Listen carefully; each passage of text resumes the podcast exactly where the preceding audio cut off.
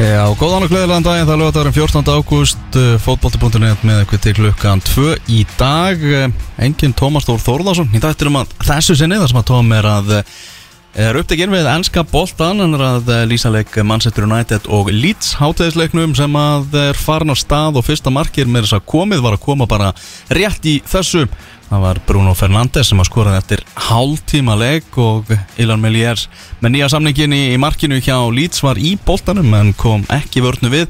Inn fór knötturinn og Manchester United yfir í þessum leik og hann hefur verið virkilega, virkilega skemmtilegur. Bæði leiði í sóknar hug og vonandi bara heldur fjörið áfram. Við ætlum við að gera þennan leik upp hérna setna í þættinum eftir að honum líkur með mér Það sjálfsögðu, Benedikt Bóas Hinriksson er mættur á bekknum. Já, fyrsti maður á bekk. Það er bara þannig hvað þetta er benni. Ég er frábær, ég er nýbúin að setja upp uh, uppvaskara línu Ég brasir í Kársnes, veitingastanum sem átnar von bráðar á Kársnesinu.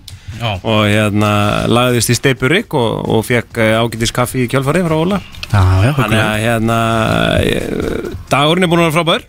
Já. Já, ég fagna því, ég fagna því. Já. Erum við ætlum að hafa þetta bara virkilega heimilislegt. Við ætlum bara að taka á móti hérna góðum gestum í stúdíó og, og ræða bara hitt og þetta sem við viljum ræða í fótboltanum. Ætlum að ræða um íslenska boltan, Pepsi Max-deltina uh, Gunni Birgis kemur hérna á eftir, hann var í Aberdeen í, í Skotlandi. Já. skellti sér í vikunni og, og sáleik Aberdeen og, og Breiðablíks og hann ætlar að koma með ferðasögu hér á eftir til okkar Við förum í Giska með Gunna verður að ferðast með Gunna. Já, það verður, verður að því. Uh, Haldur Martins og Rauði Djöflandi.is hann ætlar að vera á línu hérna á eftir ætlum að fara við hérna leik uh, og ég veit ekki hvað og hvað og það er bara þannig að fyrsti gestur, eða fyrri gestur þáttarins, hann er bara mættur hérna í hús búin að koma sér fyrir og það er Gunnar Ormslöf, sæl og blessaði Gunnar Já, sælur blessaður. Hvernig er svo bara frábær. Ekki? Jú, Heyrðu, þú ert að mikið að að lýsa fótballtaleikjum við góðar undirtektir. Uh, Í gær þá var uh, opnunuleikurinn í ennsku úrvarsleldinni og þú með mikrofónuinn fyrir fram að þig þegar uh, nýlegar Brentford unnu 2-0 sigur á móti Arsenal. Voru ekki góða fréttir sem komu þarna fyrir um daginn að Aubameyang og Lacazette væru Já, hreinlega bara veikir og eruðu ekki með. Þannig eru bara tveir sóknarmenn teknir út á, á leikdegi og Brentford gekk á lægið og vann þarna 2-0 sigur. Hvað er svona, bara hvernig var þín upplifun á, þessum leik? kannski fyrst og fremst bara hversu slagir arsenamenn voru yfir í, í heldina Já. Þetta var afskaplega ósannfærandi og, og bitlaust svona framan af. Þetta saknaði Rabba með Young og laka sett gríðilega mikið. Það, það gefur auða leið og, og Balogun sem að byrja hann að leik uh, kannski ekki alveg tilbúin að leiða línuna fyrir Arsenal. Þetta var Þetta var uh, hugmyndasnöytt, þetta var, þetta skorti gæði veist, og, allt, og, og, og Brentford einhvern veginn voru bara grimmari. Þeir, Þeir vildu þetta meira. Þeir eru uppi, já, gamli góði slagarinn sko, en þeir eru uppi staðið þá áttu þeir þetta samt skilið, þú veist, þetta var ekki eins og þetta hafi verið eitthvað gegn gangi í leiksins eða eitthvað, þeir voru einhvern veginn sterkari, grimmari, all stemmingi með þeim, þessi, þessi fjölskyldu stemminga á þessu nýja velli, þetta var frábært að sjá og bara, eins og ég segi, uh, sangjant. Já, nákvæmlega virkaði svona hérna allavega sko fyrir mótið og allt þannig þá er, það, sko Arsenal er bara veist, þetta er svona, hérna, því ég held með Newcastle sko, þá er svona topp ef maður lendir fyrir ofan topp 10 þá er það eiginlega amazing, sko. En sko Arsenal er bara komið í einhvers konar pakka. Þeir eru bara svona, já, allir þeir verða ekki svona 10, 9, 8 þeir verða kannski þar Skrítið er að vera Arsenalstöður sem er að fara inn í þetta tímabil meðan allir Já. hinnir hafa verið að kaupa hérna og þess að kalla og rosa bjart sínu og gýrun og eitthvað. Þá verðast Arsenal menn vera bara búnir undir vombrið Já, Já, það, það, þú veist, þeir eru náttúrulega, þetta er búið að vera grasserast núna í dágóðan tíma. Uh, Þetta er í fyrsta skipti síðan held ég 94-95 sem að þeir eru ekki að spila í Európa-keppni og, og, og þú veist, það er bara eitthvað sem að Arsenal er vant að gera, þeir eru bara vanið því að vera í Európu og oftar en ekki topp fjórum og að berjast um stóra titla, þannig að unnu FA byggarinn hérna í, í, í, hitti fyrir og komast í, í uh, eða fyrra, nei hitti fyrra og komast í, í Európa-keppnina gegnum það. En, en þú veist, það er einhvern veginn það er hálfgert vonleysi og bara svona þú veist, andin yfir öllu saman er slæmur mm veist, maður þarf ekki að leita lengra heldur en bara YouTube og fara á Arsenal Fan TV hérna, og þú undanfærin ári það búið að vera bara þú veist, bara dífa og bara neikvæðni, ekkert nema neikvæðni. En hvað, hérna, hvernig sér þú svona? Því að, eh, já næsti leikur uh, Arsenal er gegn Chelsea uh, og þar á eftir er Manchester City. Já, ég meina Þannig að hérna, fyrstu þrýr og kannski bara Arsenal með núlsti og markatöluna ég ætla bara að henda þið fram að með við hvað hennan frumsýningar skjálta Ben White þá er Romelu Lukaku að fara honum saman ef að segja 3-0 fyrir Chelsea og ef að Harry Kane er komin í City akkurat á þessum tíma erum við þá ekki að tala um 3-0 þá er markatalan sko 0 hvað? 0-7 0-7 Ég var svo- 0-8 með þess að fyrir ekki. Já, 0-8, Það er rosalegt. Hvað hérna, hvað segir mér? Er, er Arteta í heitasta sætinu eða? Það er nú ekki alveg, það er kannski fullt snemt að tala um það. Hann, hann veist, ef að stjórnin og engendunir hérna, hefðu viljað losa við hann, losna við hann þá, þá væri það búið. Hann er ekki að fara að fara eftir þrjá leiki en það getur byrjað að Hallundan fæti ansi snemma sko, ef hann tapar þessum fyrstu þremur leikjum með núlstíð eftir þrjá leiki svo kom ykkur í byggarleikir hérna og segjum að Arsenal detti kannski snemma út úr byggar og, og þú veist, allt verði í volli. Þá gæti hann alveg hæglega verið farin bara jafnvel, ég veit ekki hvað ég segja oktober, november kannski, eitthvað svoleiðis. Mm. hann er samt alltaf að fara að fá þann tíma. En, en veist, þetta er ekki dópaslega sexy, þessi Lokonga hann að belgininn á miðunni, hann, hann leit alveg nokkuð vel út með að við það að vera ungur og keiftur á tiltöla lítinn pening. En þú veist, þessi 50 miljón pund fyrir Ben White, ég er ekki að segja hans í slaku leikmaður en eitt svoleiðis, en þú veist, hann er fýll leikmaður, en 50 miljónu punta og svona uh, sko væntingarna sem að því fylgja þetta var einhvern veginn alltaf að vinna gegn honum Þú veist, Já, það var bara svolítið þannig sko. Já, svolítið auðvöld kannski að gera hann að svona ákveðnum blórabögli eftir, hann leiki ger hann var, ef þetta fór svona þá var hann alltaf að vera blóðbökullin, það er bara þannig. En ef við tölum um aðeins um, þú veist, uh, sigurlið, uh, ákveðin uh, falleg stund þegar að, hérna, uh, Bujako Saku kom inn á, allir stóðu upp, mm. það geggjað, Frábært. það var svona lítið gæsaðu moment. Frábært sko. Og myndin eftir leik af stjóranum að hérna, öskra til hérna, guttans, já, frábært. frábært. Þetta virkar einhvern veginn, þeir geta alveg farið langt, ég veit ekki hvort það sé hægt að fara langt á stemmingu, en þetta getur nú alveg verið eitthvað. Sko. Allt í einu þá fylgdi sko tímalínum mín á Twitter á svona dönskum íþróttafréttamönnum og þetta er náttúrulega danska tengingar hérna í, í Brentford þeir eru ánæður með, með sína menn þvíka þessum heita Mats á hérna, varamannabæknum bara þetta, er- þetta er mjög skandinavist sko. en, en ég, veistu Benni, ég held að það geti fyrir langt á þessari romantík Já, og, einmitt. þessari stemmingu og, og líka bara það að það eru engar væntingar held ég, þú veist, þú ert þarna uh, bara í sjönda heimni í fyrsta skipti í ykkur 74 ári efstu deild, eh, nánast engin reynsla í, í premjölíki liðinu og, og þú veist, það, það er allt bara plús, þeir eru bara ánæðar að vera þarna. Stemmingin geggjuð, þetta er bara svona fjölskyldu stemming, ég held að geti farið langt á því og ég meina, geti hæglega haldið sér uppi ég get alveg séð að gerast.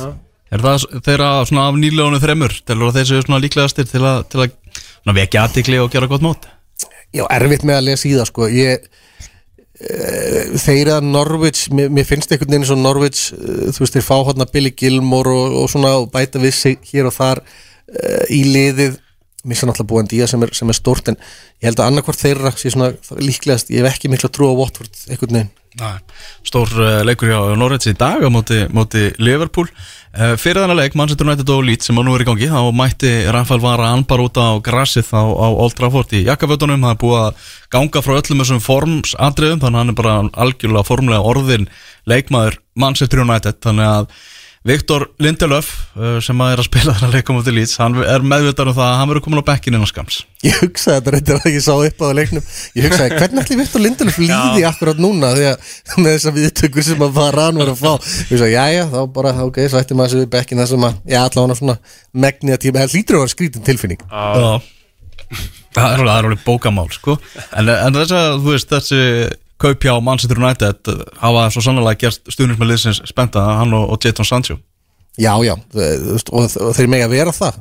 Jadon Sancho uh, tölvöldur hans tala sínu máli hvað, hann, hann láði upp og skoraði í, í búndislíkunni þetta er þetta tvær ólíka deildir og allt svoleiðis en ég full að trúa því að hann muni gera gott mótan og Rafael var hann veist, það þarf ekki að segja neitt mikið meira en maðurinn er bara sigurvegari. Hann hefur unnið allt sem að hægt er að vinna mér og minna.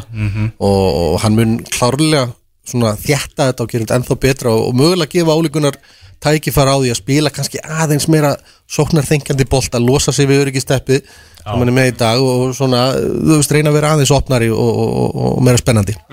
Algjörlega. Þannig að Harry Kane, maður sem að mikið verið að ræðum, það er náttúrulega Já, stórleikurinn er á, er á morgun það er Tottenham og Manchester City svona stærsti leikur helgarinnar. Uh, og þar er spurning það við verðum vist ákveð í dag hvort að Harry Kane sé bara svona með hausinn rétt skrúfaðan á til að spila þann leik. Verður tekið ákveðum eftir, eftir æfingu og ekkert gefið, gefið út um það.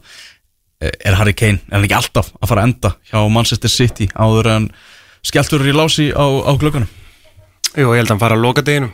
Er þetta ekki, er þetta eitthvað svona Daniel Levy einhver, eitthvað þannig, einhvers konar ég veit ekki alveg hvernig en, en hérna skilur við, hann, hann svona 31. ágúst þá, þá skiptir hann yfir. Já, Já, er ekki, þú veist, ég gæti alveg séð að bara þess vegna gerast í næstu viku. Bara klára, klára hana leik er að fara að mætast í fyrstu umferð meðvituð alltaf um það sko. Þess vegna sko. Já, menna það. Ah, já, Það var ekki Ok, skrítið að láta hann byrja leikin á morgun og svo færa bara, þú veist, vikun eftir. Það er eitthvað bóið við þetta. Já, jú, það er enda rétt. Það er eitthvað Ok. okay. bóið við og líka bara allar þess að sögum með keina að mæta ekki á, eða mæta seint og, og, og hérna ætla ekki að mæta á æfingu og eitthvað svona og þú veist alls konar sögur sagnar við það og hann, og hann og Levi hafi verið með einhvers konar heiðusmanna samkómulega sem er náttúrulega bara þvæla ef, að- ef að það er tilfelli hann er með enga klásúl í samnögnum sínum sem er fyrir fyrsta uh, galið uh, að semja þannig, hann gerði sex ára samning. Hann getur náttúrulega bara yngum öðrum en, en sjálfum sér og kannski umbósmanninu reynda líka um kendi raun og veru hann sem komin í þessa stöðu. Það er bara, þú veist, það er svolítið þannig og menn verða svolítið að hugsa um eigin rass fyrst. Um, uh, veist en ef, að- ef þessar upphæður eru réttar 150 miljónir evra held ég að hefa heyrt þá er það náttúrulega bara galið veist, það er 250 miljónir í uh, tvo leikmenn, í einu glugga. Það er það er rosalegt. Sko. Já, þarna Jack Grealish passar hann ekki svo bara flýs við rass í þetta City lið? Það verður svolítið að koma í ljós. Um, Jack Grealish er náttúrulega búin að vera frábær undanfærum tvö tíðanbil hann er hann er öðruvísi leikmaður heldur en Peppi hefur verið að nota. Hann er kannski að mörguleiti líkur Maris þegar hann kom fyrst. Ég hef svolítið hugsað þetta, ef þið- hugsaðu þetta í Maris með Lester þá var hann svolítið að klappa honum og vildi þú veist, fara fram og tilbaka og, og taka hérna krófsnúningin og svo einskæri og koma á vinstri og svona. Um, ef það er einhver sem að getur svolítið svona skólaðan til þá er það Pep Guardiola. Og tíminn mun leiði ljós hversu vel hann smellur í þetta allt saman. Uh, það, það segir sína sögu að Aston Villa var ekki búist einu sinni við því að fá 100 miljonar punda Nei, tilbóð í hann.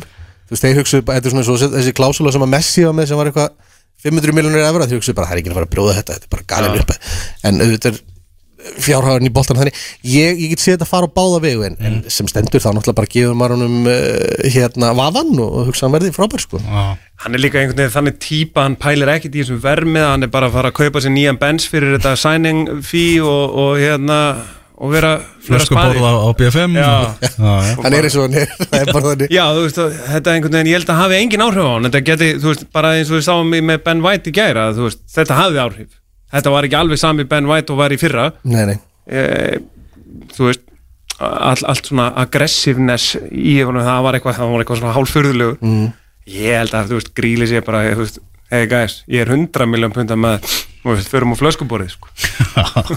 Það verður spennandi að sjá En Romelu Lukaku, er hann ávísun á mörg fyrir Chelsea? Ég hef hvað að henda Chelsea í efstasæti í Já, ég gerði það líka. Já, það, ok Spánu minni fyrir, fyrir ennsku úrvarsleildina uh, Vitandi það að Lukaku væri að fara með þetta og hann er svona hann er maður í, í verkefni, finnst hann eiga óklárað verk á, á Stamford Bridge þannig að hann er, já, við bara búið að gefa það út og Thomas Tuchel talaði um það að fréttamann að fyndi í gær að hann hefði bara svolítið kreistað í gegn leið og missa að Chelsea var reyna að fá sig að hann var ákveðin í því að hann ætlaði að fara og fara í þetta dæmi og sína það bara að hann sé orðin allt annar og betri leikmaður heldur en þegar hann síðast í, í anska boltanum sé orðin svona, já, þróskaðri þetta verður áhugavert vægasagt Já, heldur betur. Ég meina, auðvitað er hann annar leikmaður ef við ætlum að byrja þetta saman við Chelsea upprunalega, hvað kom hann 18 ára eitthvað til að byrja með. Mm ef þú spurðir hann Já, það er bara mjög einfalt svar, já, hann skorar hvar sem hann uh, kemur. Hann, kannski, þú veist, í Manchester United, uh, þá held ég að hann hafi skorað svona um í öðrum hverju eitthvað 40 og eitthvað mörg í 90 og eitthvað leikum, sem er alveg ágætt, skilur þú veist, það er ekkert að því, en hann gerði ennþá betur hjá Inter, fær að vera aðal maðurinn núna, já, hún er leið eins og aðal gæin hjá Inter. Og ég held að verði svo, þú veist, hann er þessi miðpunktur sem að Chelsea mun geta haft til þess að leita sem þeim svolítið þurftu. Og svo náttúrulega bara allt heimið í kringum hann. Þú getur sett inn Pulisic, Havertz þú getur sett inn Mason Mount uh, Hakim Ziyech. Allir þessi fjóri gæjar geta verið að dansa í kringum hann. Svakalega breytti í þessu lið og þú veist, það verður mjög gaman að sjá hvernig þetta smellir saman sko.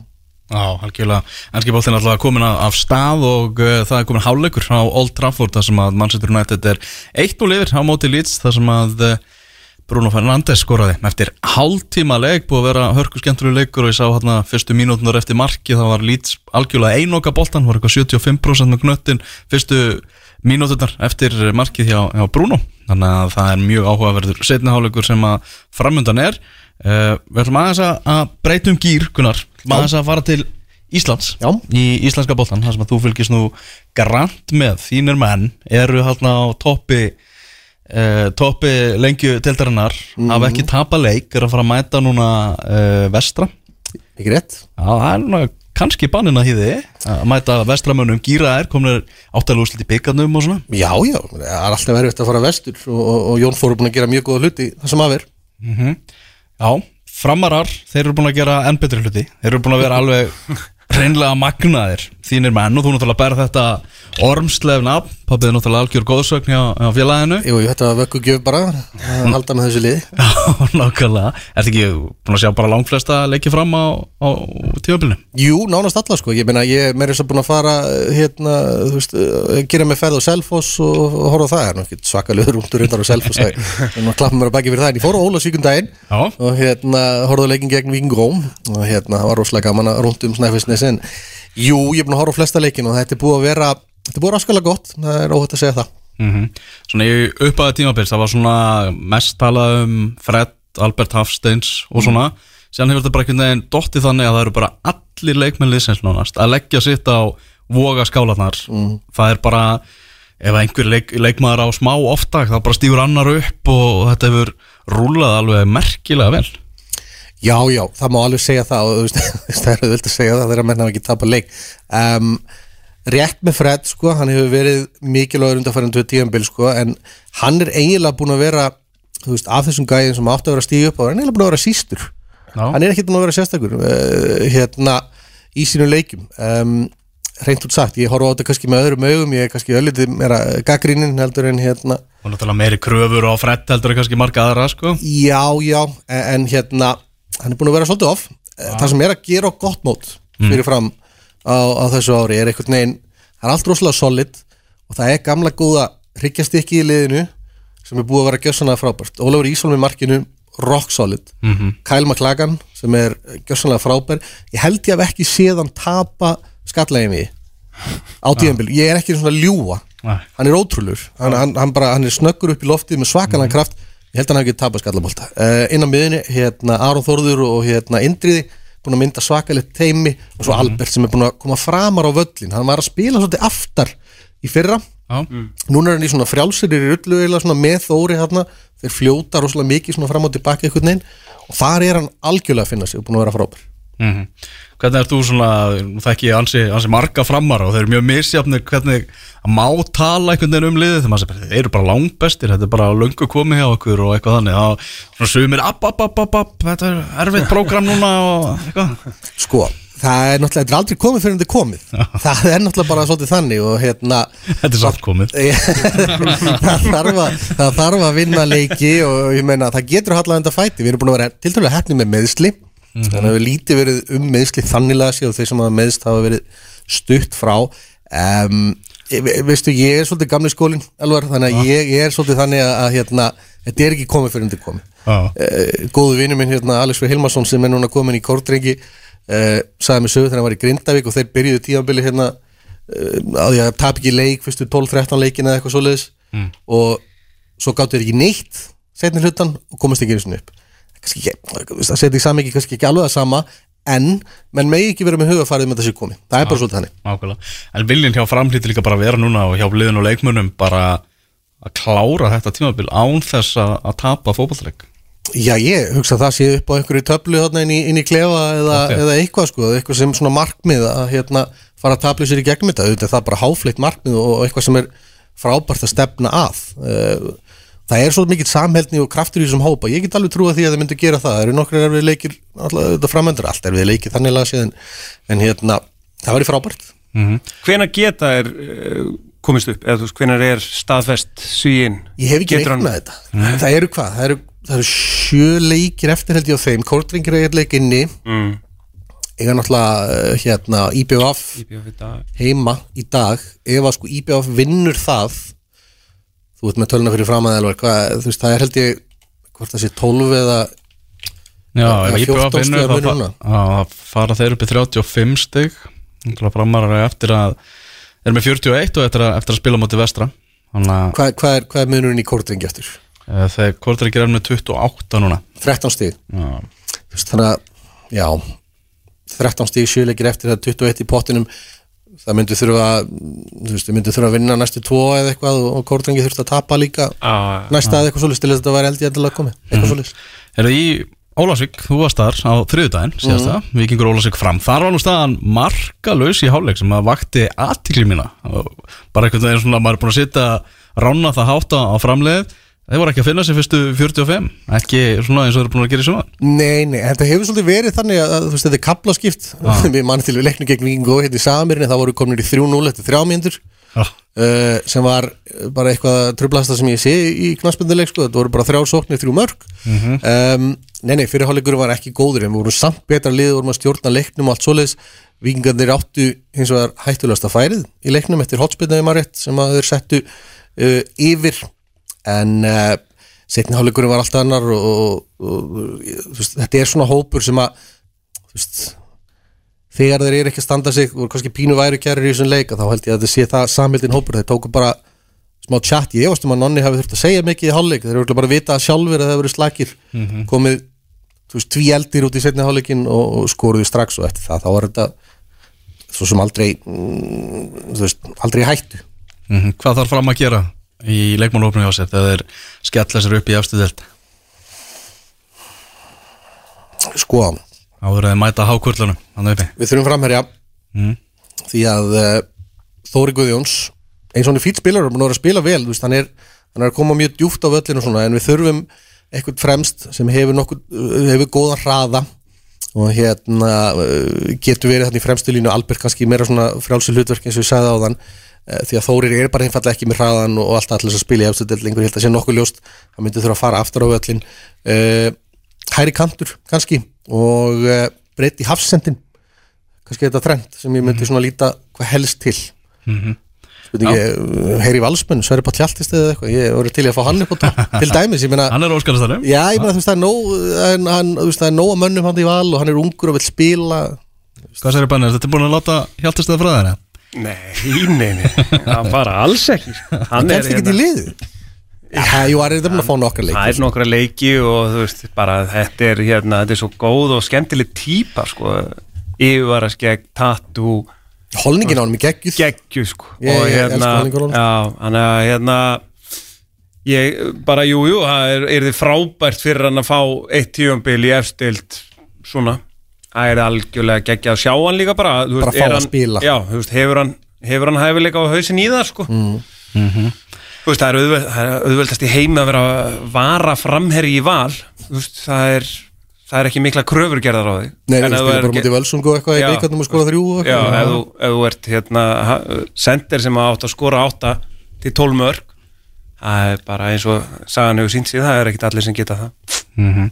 Meðan þú varst í Ólasík þá var ég heima í, í breiðholtinu þar sem að kórtrengir voru að keppa moti afturöldingu og það var rosalegur fókbáþalegur mm. það var hérna svaka stemminga á, á böllanum og læti það ekki eitthvað? Jó, mikið eh, læti. innan og utanvallar, læti í háleik og ég veit ekki hvað og hvað. Eh, uh, Kortreikir vinna eh, þannig að legg 2-1 uh, og Rósáttir hérna var já í stöðun 1-0 þá vildum við menna það að boltin hefði farið inn fyrir línuna en aðstofadómarinn dæmdi ekki mark og og þetta var svona, var ímislegt að pyrra menn ungur dómar með flautuna Gunnar Róttur Hafleðarsson sem er, er efnilegu dómari, en svona náði ekki sínu besta dag þarna. Svolítið eh, hendi ljónagrifinu hann í breyðoltunum sko. Já, hófett að segja það reysa verkefni sem hann fekk og, og hann var í smá brasi, við tölum bara reynd út með það. Eh, uh, Sigur Markið, bara kortringir ólsegir, það er orðið sem á að nota yfirlega og þeir kunna bara ná þessum þrejum stegum yfir línuna og séu marknóttur átti ekki að telja það sem hann var brotið þarna á, á markverði afturöldingar Já, ég meina bara eins ólulegt og það verður. Já, og það var sko, þetta var svona, þetta var gamli skólinn Benni, þetta var svona, voru læti í göngunum. Ah, love it. Í hálfleik og ýmsar ásakanir og svona ýmsar sögur að ganga. Maður hefur ekkert staðfest í þessu þannig að maður læta það kannski vera að, að vera eitthvað að básuna um það er en, en mennu, þú veist, mönnum bara ekki saman um hvað atbyrður ásæði þarna gest Já. og, og, og maður veit að þú veist, þegar að, Tannis Markur í afturöldingu, ég held, hann alltaf bara að ganga af velli eftir að eftir, eftir að marki var dæmt gilt þarna hjá kórdrengum sko, mér sýttist að vera bara taka af sér hanskana sko, bara Ég ég læt ekki bjóða með þetta og, og það var þetta var, eh, En gamli markurinn Davíð, hann var bara Já, já, já, þetta var mark já, já. Heldur betur. Ég var ánægð með það, mér varst, mér, sko, hann var ekki einu svona að leika þetta, sko. Hann var svo samfæður, sko. Svo helt hittin að þess að áfram eitthvað þarna eftir leik og eitthvað menn að fagna í andlitiðin á, á, Já, á einhverjum það og, verður tilfinningar í þessu, sko. Já, já, ég held að ímstir hafi svona lagst á kottanum kvöldið og bara svona ah, ég hef kannski átt að sleppa þessu. Þetta er bara partur af þessu maður auðvitað náttúrulega, þú veist, það er eitthvað ákveði strik skilur sem að menn er ekkert að fara yfir þú veist, svo lengi sem að það sé ekki einhver handalöfmál og, og, og einhver, uh, einhver svona nýð nýðorðið eða þannig sem að eru látið falla þá er þetta allt í lagi mínu vegna sko, það Já, bara betra. Og risa, risa sigur fyrir, fyrir kórdrengi sem að já, tíja þá bara upp þennan svakalega leik sem að Já, er þetta ekki, þetta er nú einn af þeim stóru 100% Þetta er bara stærsti leikur lengjudeldarinnar til þessa. Já, er það ekki? Það er kórdrengir IPVF í dag klukkan Já, það er mest undir Já, í raun og veru, þú veist, liðin geta svona svolítið ákvarða framhaldi með því hvernig Já, þessi leikur algjörlega. fer sko. bæði liðin ekki í góðu formi IBVF svona undarfarnar, ég veit það ekki hvað ég var að segja, fjóra-fimm vikur eitthvað svolítið búin að vera að stígu upp og að búið að vera svona, þetta búið að vera solid og þeir eru að ná í úslit spílamennska verðist að vera betri Helgi búin að finna einhverja, einhverja formúlu sem virkar og kórtreikindi sömu liðis eins og þú sagði, hversu oft hafa þeir einhvern veginn verið í stöðunni 1-1 70.50, 70.8 mínútu eða eitthvað og, Mm. og skorað annar markið og unni 2-1 já. Þú veist að gera þetta bara í öðrum hverju leik eða eitthvað sko. já, búin að vera alveg, alveg magnaðir. Það voru tveir leikir síðan í lengjudeldinu sem að voru í gær og þar, já, fóru eiginlega bara fór fallbárna bara langt með að ráðast. Það sé, er nánast þetta að segja það.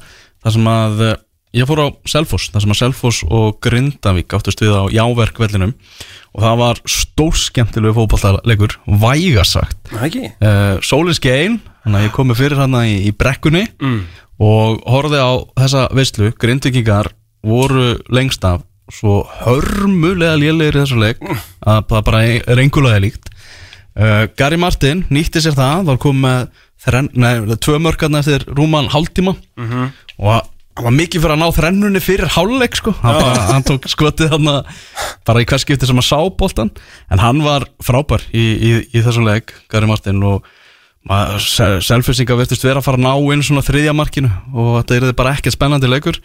Þegar Elias Ingi Átnarsson dómari uh, á 70. mínútu ákveður að bjóða bara upp á spennuleik dæmir hérna vítaspinnu og ég held að hakan á mér sé ennþá í brekkuna á selfossi sko. Ok, og ég er búin að horfa á þetta á vídjói og ég skil ekkert hvers, hvernig hann fær hvað Elli sá? Já, ég sá, ég var ekki búin að sjá þetta Þú voru að Ég- lýsa já, þessu. Ég er ekki búin að sjá. Þú veist það bara gerðist ekkert. Það, það, það, það, er, Hvað ekki, sástu ekkert bara. það er bara ekkert að lýsa því það Já, gerðist ok. ekkert. Þetta Já. er Það sá okkur draug eða? Já, ég geti séð þetta inn á fótbolta.net Það er Nú? frétt sem kom 11.02 Gary Martin byður um útskýringu á furðulegum vítadómi Já, og sko finna var að ég var búin að segja við aðlega við hliðina á mér bara sko ef að Grindavík næra kristin einu marki mm. veist, þá fer þetta upp í loft því að Selfoss er að berjast fyrir lífi sínu og allt í hennu sjá þeir að möguleika því að sé að fara að missa þetta niður og Verða smekir smekjur og það var svo sannarlega raunin og eh, já, þeir minguðu mörgum gröndvikingar úr þessu furðulega viti, ég lega syngi annars búin að dæma mjög vel í, í sumar en ég veit ekki alveg hvað hann sá þarna. Mm. hann má endalega senda bara línu ef að kannski er einhver útskýring á þessu eitthvað sem það gerst, ég bara ég, já, ég skil Já, uh, Sigurður Bjartur, hann jafnar hérna á 88. mínútu. Þá voru þeir svektir selfisingarnir, þá hugsaði ég grindvækjar að vinna þetta bara nú. Mm. einhvern veginn hafa engu að, keppa grindvikingar, búnir að klúðra sínu möguleika algjörlega. En í staðinn, það var að Þór Lórens Þórðarsson sem skoraði sigur markið Björns ætlaði að vinna. Hann Í- kerði að, hann sett allt þú veist, hann ætlaði ekki að verja stíða, hann ætlaði að segja þrjú. Hann sá möguleikan, sko. Hann sá mögulega að það er bara langt sem hann grindaði ykkur unni fótballtaleg Ég ætla að það sé að komin tími til og grípa gæsina með hann gefst sko. En svo kom þetta frábæra sigumark og alla sögulínur í gegnum hennar leik og var bara ótrúlega gaman að vera á Já, ekki, ég á trúi vel, sko. Ég, hérna uh, Ég talaði nú aðeins við Björnsaga í, í, í morgun sárið og hérna það sem að hérna við ræddum aðeins um, um val en við talið bara aðeins að leiknum í gær þar sem að hérna og það, þú veist, hann ætlaði sér bara hann sá möguleikan að, að sækja. Mhm. stíðin þrjú. Þannig að hérna, þú veist, ég ber alltaf virðingu fyrir því sko, þú- ert ekkert eitthvað sérstakur. Svo færðu sko líflínu nærða hérna jafna hvað, 8000 og hvað? Áttundu, það skal Já, óskýsli og hérna og í staðin fyrir ok, hú, safe þú veist, pökkum, pökkum bara þú veist, verjum þetta og bara, herri, gerum þetta í gang sko. Mm. ég kann að meta það Nýta meðbyrinn Já. ég segi það, þú veist, komið bækja á það, En reynbóið er náttúrulega hrikalega vond fyrir þá að tapa á móti selfisingum sem hafa verið svona í þessum pakka þrjú langlíðlustu lið deltarinnar sko. Já, veist, ég veit ekki alveg hvað ég hef haft selfast allt tímabili þeir hafa verið að sækja svona ágæti sigra hérna inn á milli Kórdringir hann að snemma á tímabilinu og þessi leikur og nú er ekki vestra þannig nokkuð samfæðandi einhvern tíðan en svona inn á milli þetta er algjörlega niður. En það verðist alltaf vera þannig. Nú er það sko fimm stegum á undan þrótturum sem að þróttarar töpuðu fyrir gróttu í gær og þá eru þau bara komni með hvað var að segja, sjö, sjötæri niður. Já, þeir eru með tíu, eða ekki? Bakki uppi veg, jú, þeir eru með tíu stig. Vingur og með tíu tvö þær. eru fallinir, Já, það er einfalt. Já, já. Það bara þróttarar komnir bara lang leiðina niður í aðra deild. Mm. Tómi er svolítið búin að vera að tala um að það sé kannski bara holdt fyrir það að fara þarna niður og, og spila ungu strákum og eitthvað. En þá þurfa það náttúrulega að halda í ungu strákana. Þá, þá sem að geta eitthvað og þú veist ég sé ekki Robert Haugsson sem er búin að vera svona einn bjarta, eitt bjartasti punkturinn á þeim. Ég sé hann ekki fara að spila í annari til þetta á næsta tímabili Nei, nei, það er náttúrulega líka hérna bara eins og kannski svona scouting systemið er orðið á Íslandi þó ekki það, þú veist, það má alltaf bæta það. En þá eru þjálfarar á sumum eh, leikjum og spotta drengi sem að síðan fellur þróttur og þú veist, er ekki fylgir alltaf að fara að taka hann til dæmis? Skilur ekki, gefa hann séns Það er möguleiki, þú veist, mér finnst það svona spennandi að, fallett fram skilur Já, já, þú veist, og, og allt þetta að, að hérna, góðu leikmenn í falliði þeir það er oft svona það er- það er kroppað í það, það er tekin upp síminn sko. Ungir og góði leikmenn. Já, þetta er góða punktur sko. Það geti einmitt reynst þeim strempið Já, það er þannig. Uh, Selfisingar hins vegar voru svakalega mikilvæg sigur hjá þeim uh, og Gary Martin þegar að uppferður staðið uh, eins og stefnir í þá er hann bara að fara að skilja af það er bara hann sem er að fara að sjá til þess að, að Selfisingar halda sætu sínu í, í deildinni. Og það voru eitthvað, er eitthvað að sögu hann á Selfising gerum að, að þeir ætla að breyta sig enn meira upp fyrir næsta tímabila það sé, er ætla að ná ykkur að uppluga breska leikmenn. Mm. þannig að það verður svona enn meira brest þema yfir, yfir Selfisingum með Dín Martin hann við stjórnvölinn. Ég ætla bara að segja, minn maður Dín Martin lítur að vera með eitthvað tengsl. Já, það lítur að vera. Hvernig er það eh, Það að, eru alltaf greinlega að byrja svona að teikna upp eitthvað plan. Já, ok. Já, það, ég meina, fyrsta skrefið er væntalega að koma með plan, myndi ég nú halda. Halda, Eh, halda sæti sinu halda og- sætinu, en hérna e, er þetta ekki þannig að breski leikmenn eru rauninni eða, þú veist, þú mátt ekki vera með sex breyta núna eftir Brexit. Mátt Já. ekki bara vera með þrjá? Þeir eru alltaf og eitthvað svona dót sko Þannig að þetta er orðið stremnara heldur en þetta var og erfiðara. Ég veit ekki alveg fjöldan á þessu sko En Það er þetta góðu punktur sko. Veist, ég, bara, ég er bara pæla ég, ég, man- ég skrifaði nú einhvern tíðan nokkur fréttir um Brexit ég svona minnir að þetta sé einhvern veginn þetta er orðið þingra í Já, það eru þrýr hámarkali ég. Held það sko, Já, sagt án ábyrðar já, en já, já það er, en þú veist bara það sem að ég kann alltaf að meta og finnst alltaf frábært að það er þegar félag kemur fram og segir heyrðu við erum með fimm ára plan eða þryggja ára plan eða þú veist, er að vinna eftir einhverju stefnu sko. Mhm. þú veist, algjörlega en það var að koma marka á Old Trafford það sem að Leeds hefur jafnað á Nei, móti nei. Manchester United þetta marka á 40 og 9. mínútu Þetta Dallas? leiksins. og þetta var alvöru mark Gunni, Nei. hvað, hvað var að gerast það? Eiling þetta var held ég bara Luke Eiling sem að fekk hann hérna rétt hæra með við tegin og ákvaða bara Ah. smetla honum þjættingsfast með ristinni upp í gamla góða saman bakvarðar mark. Þetta er bakvarðar mark. Eitt tött svo bara láta vaða. Yes, yes, ég yes. verð alltaf feimin við þetta. Ókvæðlega, Fólegi þegar það eru, það eru það er ekki mörg langskot sem mark, mörg á Íslandi. Þú veist, það er eins og það sé búið að banna mönnum að skjóta utan teiks Jafnir bara í fótbolt í heild sko. Já, það er að svona djöfusins að bakverðir verða einhvern veginn Þú veist, láttu bara vaða sko. Það er ekki flókið? Hörkumark, þetta var svakað Já, þetta var gott. Þetta er, þetta er ekki flókið. Þetta glatti gamla hægri bakurinn, skal ég segja ykkur.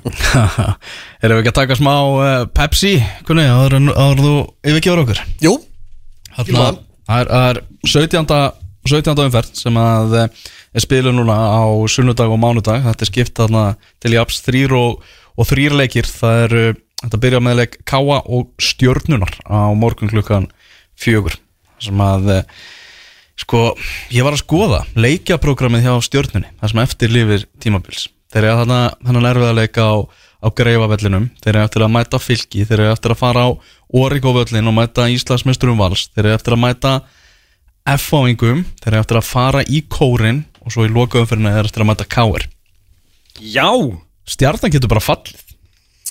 Ég meina, ég, auðvitað geta þið falli Já, já, þetta, þetta- eru bara þrjú stig í, í Háká og Háká hafa verið voðalega svona upp og niður síndu frábæran leikum daginn í Kaplakrika en svo þetta er niður strax eftir það og þetta er mjög skrítið einhvern veginn. Eh, stjarnan, eh, já, ég meina þetta er, þetta er ekki auðvelt prógram. Það er ekkit auðvelt í þessu, reyndar. En uh, það lítur að vera að fara svo dum menn í Garabænum, ég get alveg trúið því. Vá, 20. september Háká stjarnan. Já, Það er geggjaði leikur sko ef, að, ef, veist, ef þetta spilast einhvern veginn þannig sko. Það getur bara orðið úslita leikur hann í 2001. umferð sko. mm, það er rosalegt. Og svo eiga þeir káir Já, þetta er, er alveg prógram sem garpæðingar að fara í sko. Þetta er Já. ok. Káamenn, ég var ekki alveg sáttu við þá í, í byggarnu núna á móti keflingum ég var svona eftir að þeir unnu þennan sigur einmitt á móti stjórnunni í byggarnum þá fannst mér einhvern veginn vera svona byggar ára yfir, yfir liðinu mm. svo gerði, voru að gera allt og marga breytingar eitthvað, náðu góðu stíi á móti vikingum og svo var bara hendi fimm breytingar og Rodri á bekkin og eitthvað í, í byggarleik Já. Herðu, annað mark hér á Old Trafford því að Manchester United er aftur komið í fóristuna og það var Mason Little Greenwood sem að hér var að eh, skora á 50 og annari mínútu Manchester United 2, Leeds 1 þarna, þarna opnaðist allt hjá, hjá Leedsurum Já, ég sá þetta ekki alveg nógu vel, ég síndi samt eins og Pogba hafi átt sendinguna hann inn fyrir mögulega, hann er múin að leggja bæði held ég. Já, Það var bak við Luke Eiling, þetta var hans megin núna, hann er nýbúin að, hann var ofpeppast, hann var ennþá að, að fagna markinu líklega. Já, Mason Greenwood er búin að vera bara í allt sumar á æfingasvæðinu hjá Manchester United. Pogba fær hann bara á miðjum. Oh, what a fantastic ball. Og raði í Greenwood og, og vel klárað. Já, vel klára stöngin enn Manchester United að Þetta er bara- á móti Leeds Fyndi þegar hérna, Pogba gerir þetta Tekur við boltanum á miðjum vallarhemningu Lítur upp, sér hlaupið og hann kemur með 70 metra innan fótar spyrnu. Þú veist, engin í heiminum getur þetta. En eh, af einhverjum furðulegum ástæðan gerir hann þetta sjaldan. Já, já. Þannig að já. Herðu, svo er FH leiknir á Kaplakrika velli á morgun, ég skal viðkjöna það að eh, ég var ekki að búast til því að þann 15. ágúst myndi þessi lið mætast og leiknir eru ofar í töflunni heldur en, FH-ingar mm, Ég get bara vel trúa því að, að, að þetta sé sjokkarandi tíðindi fyrir þig. En F-áingar hljóta náttúrulega, veist, þeir þurfa að fara sparka frá sér sko. Þeir þurfa að gera það, en þú veist, maður hugsa þetta fyrir íaleiki núna í Já, byggjandum já, maður hugsa þetta líka fyrir alls konar aðra leiki og annað sko, það kemur aldrei neitt. Eh, en hérna núna þá þeir náttúrulega töpuðu fyrir ykkar- eh, þínum mönnum í, upp í bregðaldi og, og hérna það er nú stundu sagt að þú veist, ef þú tapar einu þá verður að vinna hinn til að hafa, vera jafn. Og hérna þeir bara, þú veist, come on sko, sín, bara ég Já, sko, ég, maður hugsaði fyrir hann að byggjarleika móti ía bara þú veist, þetta er síðasta tækifæri til að svona bjarga því sem bjarga verður Já, úr þessu tímabili. Mhm. að þeir eru ennþá með í byggjarnum, þeir geta komist í Evrópukefni, geta klárað þetta. Þannig að ég hugsaði, þeir eru F-fáinga með hann að mannskap er aldrei að fara að tapa upp á skaga. Jú, jú, ég gerði það. Já, ég gerði það. Já, þetta er úrlega skrítið. Ég, ég held náttúrulega að það sé Jónatan bara, letir eða kannski út af og einhvern veginn þetta svona ég held að sé bara svolítið bara svona uppgjöf og, og annað í hópnum, þú veist, menn einhvern veginn, þú veist, þetta ánáttúrulega ekki, það á ekki geta gerst í byggar, eins og þú segir, það er eini möguleikin á því að þetta verði eitthvað svona sæmileg tímabil og mögulega koma sér í úrstendarleik þar og sækja byggar, en það er einhvern veginn einhver uppgjöf og andleysi og annað yfir þessu hefur verið meira og minna allt tímabilið, það er einhvern veginn, ég, mér finnst veist, lítið fyrir að koma út úr þú veist, Lennon, Matta Vill og, og fleirum hann, miðjan búið að vera fram og tilbaka, Björn Daniel komin aftur í núna eftir að hafa ekki að lítið að spila framan að tímbilin, kom inn þegar Úli Jó tók við, þú veist, ég skildi ekki alveg. Þetta er á pappír þá er þetta stórkuslegt lið. Allan að byrjunlið, þetta hefur verið sagt oft. En þetta eru frábæri fró, uh, knarsbyttumenn Ekki til að bara slefti á lokahófin að vera með leikmaður tímabilsins. Það bara, er, er, einhver, er einhver sem kemur upp í hugan Nei, það er Eh, engin Ég er að mynda að rúlla yfir leikmannalistan er svona. Ah. þú veist, Þórir kannski nei, ég, nei, veistu, nei, nei, nei ekki einu sinni. Ég, ég er ekki einu sinni tilbúin til að gútira það sko. mm. Og ekki búist þið bara jöfnum og, og, og spennandi leik eh, Kannski ekki mörg mörg í ákaplakrika á morgun Já, það er alltaf hægt að búast við alveg leik þegar leiknir á, á í hlut því að þeir eru búin að vera ótrúlegir og búin að fara þetta liðseldinni bara allt í ennbili þeir hafa eins og ekki verið góður út í villi það hefur verið mm -hmm. bast, hvað er það að segja, tvö stig held ég hvað er og 19 á, á, á heima velli grifjunni í Európa-riðaltunin en uh, ég meina Háka fór um daginn í Kaplíkika og sigraði en, en hérna, þannig að það getur allt gerst en það fá enga hljóta að mæta dýrvittlusir en kom aftur að því, hvað er uppn að segja þetta oft? Að þeir mæti dýrvittlusir og gera eitthvað. Svakalóft það eru þreytt sko. Við ekki bara að henda leikni sigri á þetta? Ég er til Ég, ég er til. Já, þú er til það.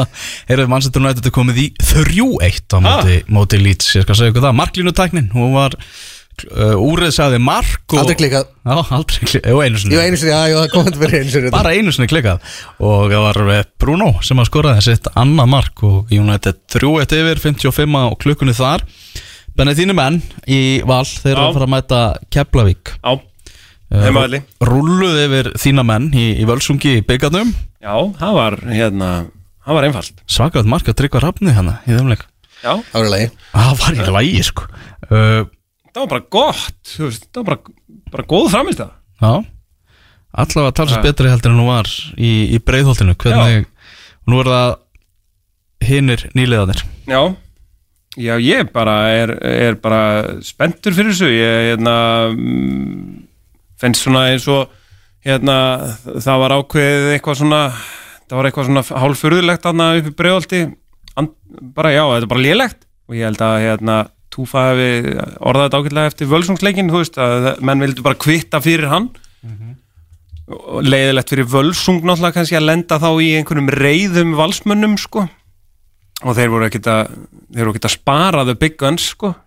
Þannig að ég hérna ég, maður er alltaf svolítið eh, líkt og með það þá ertu líka alltaf svolítið að býða eftir einhverjus konar flugveldarsýningu frá valsmunum og hérna ég held hún kom á morgun ég held að verði 4-0 Held, Ég held að bara kom ekkert þessi flugveldar sinni Nei, ég er, alltaf, ég, ég, ég er alltaf til í að spá góðri flugveldarsýningu svo er þetta alltaf solid 1-0 Rasmus Kristjansen með mark á fjæri eða eitthvað eftir hotspinn ég er bara, það verður mjög gaman að skoða hérna tölfræðina, þú hvað við erum búin að skora mikið úr föstum leikatrið og eitthvað þannig. Þetta, en þú veist já, ég hérna ég er allavega bjart sín fyrir leikin á morgun. þú Heimir var sáttu með, með, með hugafari hjá mönnum því að þeir hafa svolítið verið að gera sér segum það að kannski detta aðeins niður. Þeir komið þannig tilbaka úr Európaverkefninu eh, hérna og fóru upp á Skaga, töpuðu þar. Uh, svo tapaði þetta í breiðoltunum daginn líka þú veist, þeir eiga það til einhvern veginn að detta niður í þessum, þessum minni leikum eða gegn þessum minni spámönnum. Mm -hmm. Keflæk hefur alveg sannað það að þeir eru sínt veiðin ekki gefin. Þeir hafa alveg verið að, að sækja stigin. Alltaf kannski sérstaklega verið að sækja stór úslit í byggarnum eins og við höfum farið yfir núna uh, undir blikana og hérna svo káa menn núna síðast. En, en veist, það er ekkert gefið í þessu. Menn verið að mæta með hausinn rétt skrúaðan á því að, því að þú veist, fyrsta markið í svona leik Mhm. ef það kemur keflaugum megin getur þetta reynst strempið Mhm. Á mánudaginn þá er fylgir vikingur liðin sem að er að fara að mæta síðan í, í, í byggarnum vikingar sem að slóa hann út káringa þeim meður þá lítur ekki út fyrir það að við fáum rakka sig gegn kára átna því að kári meittist í þessum uh, þessum byggarleika móti, móti káringum uh, vikingar þeir halda sér hana og í, í baróttinu um það að þeir geta látið sér dreyma um að vera tvöfaldir meistarar á tímafélinu Já, já, það er ennþá inn í myndinni það er bara klálega þannig. Mm -hmm. áttalega úrslit í byggar og, og, og bara þremur stíðum á eftir valsmennum þannig að já, já, það, þetta er eins og bara orðatiltæki segja, þetta er í þeirra höndum það er bara þannig og þeir verða að gjöra svo vel að fara í, í lautina og sækja þrjústi Tóm er eitthvað voðalega svarsitt Lýst illa á það þegar þeir eru að keppa mútið fylgismenn alltaf svart í einhvern veginn. Þegar að vikingarnir eigi hlut sko. Fjögur eitt Þetta var negla Manchester United fjögur lýts eitt eftir eh, klukkutíma þannig að nú er bara leik lokið. Manchester United að byrja þetta með, með flugaldarsýningu Bruno með, með þrennu. Já, ég held að við þurfum að, þurfum að fara að setja Bruna fyrir náns með varum bara með þrennu. Þetta, þetta var svo vel gert sko. En Þetta var bara geggjust ungursending inn fyrir og hann eh, horfði á markmannin og þrum á hann Þetta er reynda rángstað en það er eins og það er þetta verður vantilega að tekið það. Ætlum við fáum að sjá þykkari línu Eiling, er, Eiling er samt Þetta er tæft Þetta er Eiling mjög sko. tæft. Sóknarmærin og njóta á hans meira. Já, þetta verður- verður já. þeir ætla að taka sér eitthvað minni tíma með þykkari línu og ekki og ekki tekna, ekki fyrir framann okkur sko, við fáum ekki að sjá lengur teknileiknina mm, Já, virkaði vel á EM að vera ekkert að sína okkur það þannig að e, þeir eru að herma þannig að spurning hvort að þetta verði verði rángstæðan, við býðum að sjáum. E, Annar leikur á, á mándaskvöldið það er í kórnum þar sem HK og KR hegast við og stór lið hafa nú mistiði sig í, í kórnum í, í gegnum tíðina, ég var ánægð með Gunnar Heiðar þegar allt einu þjálfari liðs í, í bótbaróttu þriðjudeldarinnar var mættur hérna að drulli við það að sé verið að spila í kórnum yfir mitt þetta er ekki bóði bara skandall að þetta sé ekki bannað sko. Marki stóð. Morgi stóð það er fjögur eitt staðfest. Já, hérna, uh, það var, uh, það var bara, eh, þú veist, Gunnar Heiðar eh, er bara eiga pegi sem að tala reyna íslensku. Og þetta var svolítið, þetta var fyndið, ég skemmti mig vel. rist og leikur fyrir háká? Já, það er bara þannig, Minna, þeir, þeir, þeir eru búin að vera seitlinstíðum hér og þar. Góðu sigur í Kampríku gáðan um daginn eins og sögum og, og þetta er stærri leikur fyrir hákáðandur en nokkuð tíma fyrir káir mm -hmm. káringatunir eru eins og bara ítrekkað á tímabölinu búin að skjóta sjálf í fóti með að tapa stíðum hér og þar og hákáðingar þeir, eh, þeir mennur mæta dýrvittlusir inn í kórin, í lífuna mm spurning hvernig káringar munu svara þessu þessu leikamóti vikingum það sem voru bara þungir og, og slækir og, og sundur spilaðir. Uh, Breiðablík á móti Ía svo leikur áttu uppalega að vera á morgun en til að gefa blíku svona smá andrými þá verður þessi leikur á mánudags kvöldið uh, blíkar unna á skaganum að, sjálfsögðu og uh, þeir eiga að vinna þennan leik. Það er ekki flóknulega það Já, já, þeir eiga að ganga læð og, og, og hérna halda áfram bara sinni spilamennsku sem að hefur verið frábær uh, undanferðni, að undanförnu. Og ég held að hérna, mm, þú veist, uh, ég held að hérna þeir komi út úr þessu Európa-æfintýri, skilur við svolítið svektir og reyðir og pirraðir yfir í rauninni að hafa ekki bara klárað Aberdeen, þannig að þeir koma já, svo við hendum í, í frasan dýrvitlusir og, og bara ganga frá skagamennum, mér líður þannig sko. Já, ég, ég get alveg séð þrjú, fjögur, fimm mörg Já. þetta sko, Já. alveg hæglega ég sammálaður, ég held að fyrstu viðbröðin hafi einmitt verið vonbriði og kannski smíður pyrringur og svekkelsi hafi ekki mögulega gert, þeir fengu færi í stöðinni 1-1 til þess að koma sér yfir 2-1, alveg 2, nok, mjög góð færi og hérna ég er að elska, er að elska þess að bara þessum Óskar Hrafni komin í allt í hérna komin ykkur á skoska fjölmila og hérna, í það voru ykkur orðaskipti eftir leik, Scott Brown að komin í klefa með ykkur velvalin orðu og eitthvað svona, ég elska það. Þannig, þú veist, við erum farin að fá Óskar eins og hann er, núna er hann að hann er, meira þessi í Pepsi Max ja, takk. na, 100% bara, ég hefur óbáslega gaman að þessu sko. Já, heldur betur. Þarna blikar, breyða blikar besta fótbollali landsins í dag. Er ekki bara Sammála. Já, það er bara þannig. Já, já, þeir hafa búið búið hérna búið þannig um hnútana, þeir eru hérna bara einhvern veginn búin að finna góða formúlu og spila vel og spila fallega og skora fallega mörg og fallega leikmenn og þú veist, þetta er allt einhvern veginn skilur við, það er allt annað til að selja miða sko, Það er allt Þannig að, hérna, þú veist, ég, ég vona bara eh, er einhver sam jú, það er samkominn bara eitthvað, einhverja takmarkanir Jú, það er ennþá þetta 200 og, og 200 í grímur, hólfu. grímur og bannað að kaupa sér hambúrkar og allt sko. Já, já. það er enga grímur í stúkunni á Old Trafford síðan fyrir, ég Nei, Nei, já, 60 og eitthvað þúsund manns eða hvað maður veit það En hérna, ég held bara að, að mér líður þannig að blíkar munu einhvern veginn taka Evrópu ævintýris pyrringin inn á, inn á völlin og bara sína þú, þú veist, ég held að þetta verði alveg geggjaði leikur hér. Mér líður þannig. Ég held bara sjálfstyrst ég að þeim sé þannig að þeir hugsa bara, heyrðu, ég ætlum bara að taka nú Íslandsmeistartitil það. Og ættu líka bara að fá góða titilbaráttu. Við eigum að gera það. Loksins, Mhm. Þú veist, það er búið að vera smá tími síðan að það gerðist og ég meina við erum með vikingana, við erum með breyðablík og við erum með val. Mhm. ég held að þetta verði þessi þrjú lið og ég ætla að vona að þetta fari bara alveg niður í loka umfyrirna og, og við fáum bara alvöru, alvöru æsing og alvöru hasar. Já, ég ætla að spá því að vikingar mun aðeins dragast aftur úr og þetta verði, verði að endanum tveggja hesta einu ég hefða En þú ert að, halda til starfa, Gunnar, þú ert að fara að lýsa? Já, stýttst í það Hvað, hvað leikast með núna?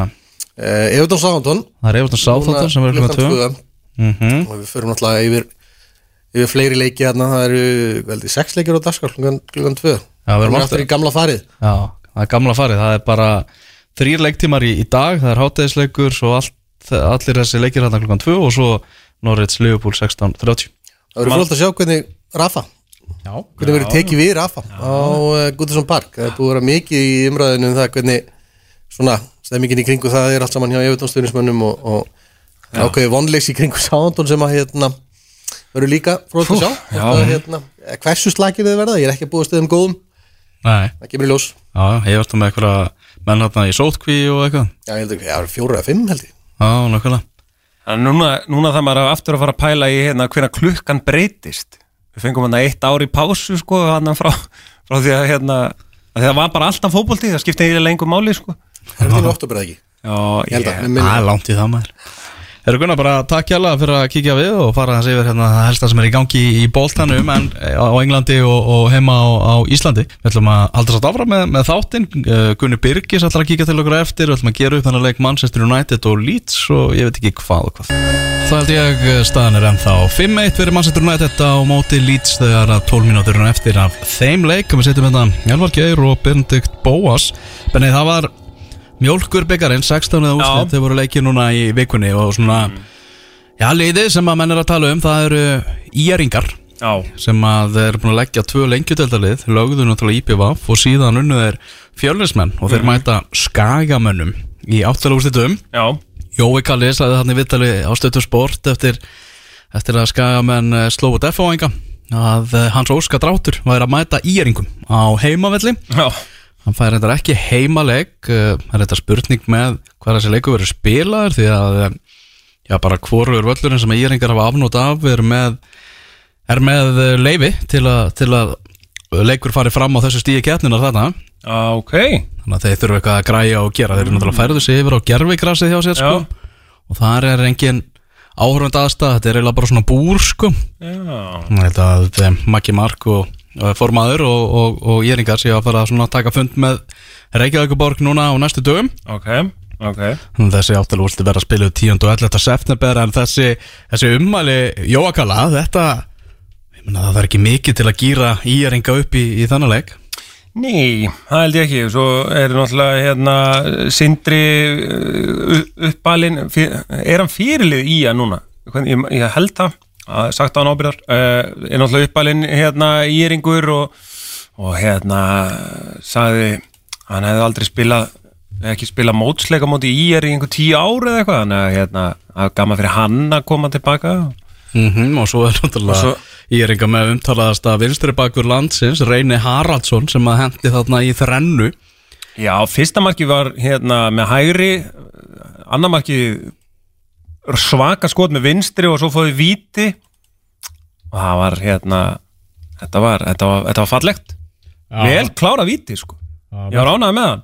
Hann Já. skildi bara heimta, þú veist, það er ekkit ofta einhvern veginn vinstri bak, veist þetta er svona eins og Luke Shaw var búin að taka tvö og Master United myndi fá tvö, nei við fá víti og hérna og Shaw var einhvern veginn það mikil spaði að hann myndi myndi bara uh, vilja fá boltan og klára þrennuna sko.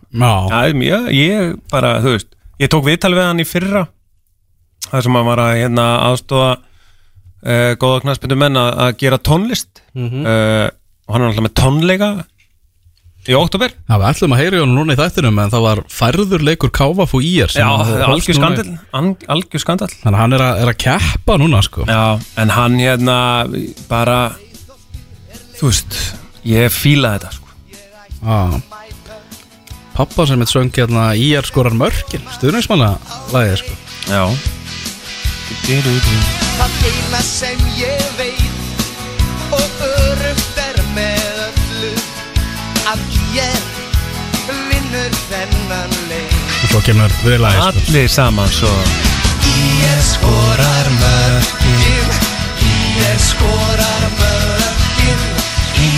Já, Það eru flestir að spá því að þetta verði Valur eða Víkingur sem að verði byggamestari mm. Valur að fara vestur og það er alveg snúin leikur að mæta hana til Ísafjörðar Já, ég, hérna mm, ég, eh, ég ætla ekki að segja ég sé eh, bara hrættur Mm.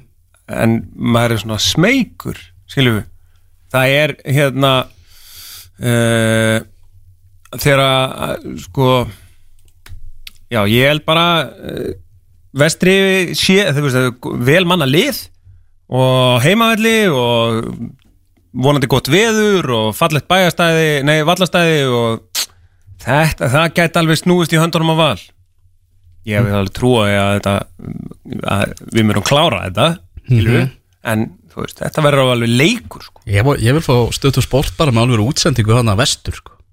Áttar úrsli byggar, vestri. Valur og Já. það væri er skemmtilegt ekki allir leikinu á saman tíma Það myndi, rössa Það er 10. og 11. september fyrir að spila Það er búið að ræða þessu upp eða? ég er ekki alveg viss Við bara Nei. kíkjum hérna á, K- á KSI en svo er sko en er ekki Jón Þór bara búin að standa sig Jú, það er rétt Það er allir leikindir settur á första skoti já, ok Já, en stöður post ekki búið að velja hins vegar sjómasleikin Nei. Uh, Hák á Keflæk og uh, Fylgir Víkingur eru, eru hinnir leikindir já, þetta er náttúrulega hérna uh, hvað segir maður, þú veist ve veðbankarnir velja, veðja á Val og Víking eðlilega. Mm uh, en er ekki byggarinn bara búin að vera svolítið áhugaverður? Jó, hann er búin að vera skemmtilegur sko. Jó, búið að vera, skemmtilegi leikir hérna í byggarnum sko. Þannig að vera dramatík og, og Akkur ekki að það haldi aðeins áfram og hérna, veist, inn í undanúslitin. Já, ég er alveg til í það Já, þú veist, ef að vestri vinnur, fylgir vinnur, keplæk er á rönni og í er vinnur í að. Mm. Wow. Það er eitthvað Vestri fylgir keplæk í er, áfram. Kanski ekki allt, en það má leika sér aðeins það má leika sér aðeins. Já, já. Heyrðu, Manchester United Leeds, við ætlum að gera upp þannleik hérna eftir smástund, ætlum að heyra í Halldóri Martinsinni á rauðutjöflarnir.is og ég skal ykkur því að hann er svaka glaður. Þú ert að hlusta á fótbolti.net á exinu 977 Heyrðu, við erum að tala um það að mínu menn í, í Lingby, þeir voru að vinna, þeir voru að vinna uh, 1-4 útisegur, þannig að þeir eru ennþá með, með fullt hús uh, stegam. Magnús Kastrup, uh, flugvallar uh, erfingin, eins og ég kýsa að kalla hann, með, með tvö mörg og uh, Pétur Knudsen, færi einhverjum, hann skoraði líka. Það er góðu sigur. Þetta er hérna... Uh, Freysa var að vel á Freysa bara- stað. Já, ég ætla að segja, er þetta ekki... Er þetta fjórði í röð, eða? Það er búin að vinna bara alla fótballtaleikina Já. sem er hafa spilað. Oh, love it Þannig er- Love it Já, já, Ég sá að hérna e, fyrir heimalegi Lingby er hérna hægt að fara í svona fótboltapílu og vinna alls konar Ah, hérna dóteri að því ég sá á síðasta stjórnanfundi KSI þá var verið að ræða um hérna, aðsóknartölur og þetta sé ekki nógu gott og, og hérna það, hvað, hvað þurfa að gera og eitthvað hannig Mhm. Ég held að þetta sé ekki dýrt og gætum jafnvel fengið sponsorinn inn einhvern veginn með ölgerðina sko. líst Já. vel á þetta. að þetta er svona uppblásið eitthvað Já, og hérna ég- hann hérna freysi settin á Instagram og Mhm. hérna fyrir einhverjum tveim viku ég er búin að hugsa þetta aðeins síðan að hérna akkur er ekki bara uh, akkur er ekki hægt að fara í fótboltapílu fyrir leik og getur unni kannski kassa af Egil's Appelsín eða eitthvað já, eða, eða Pepsi væntanlega Já. það sem þetta heitir nú kannski Pepsi-dildin það var kannski betra að vinna Pepsi Mhm. en þú veist það, það er, og ég, ég kíkti á hvað svona fótbolta píluspjald kostar ok. og það kostar sem 33.000 frá AliExpress þannig að þetta er nú ekki mikið Það er ekki mikið. þannig að ég sko pælingin Ég skal fara til Lingby og skoða þetta, taka það á mig að fara hérna í. þegar að heimurinn opnast aftur Ah, Sævar allir með tvö assist, kom inn á Aha. baknum og tvær stóðsendingar. Hvaða númer tók hann? Hann er 21 held ég. Já, ok Að Hann er einmitt 21 árs, þannig að það er, hann passa vel. Heyrðu, Gunnar Birgisson, hann er mættur hérna, blösaði Gunnar. Gunnar, Gunnar ferðast breytist í Gunnar að sulla, sulla niður. Nei, yfir músin og allt já,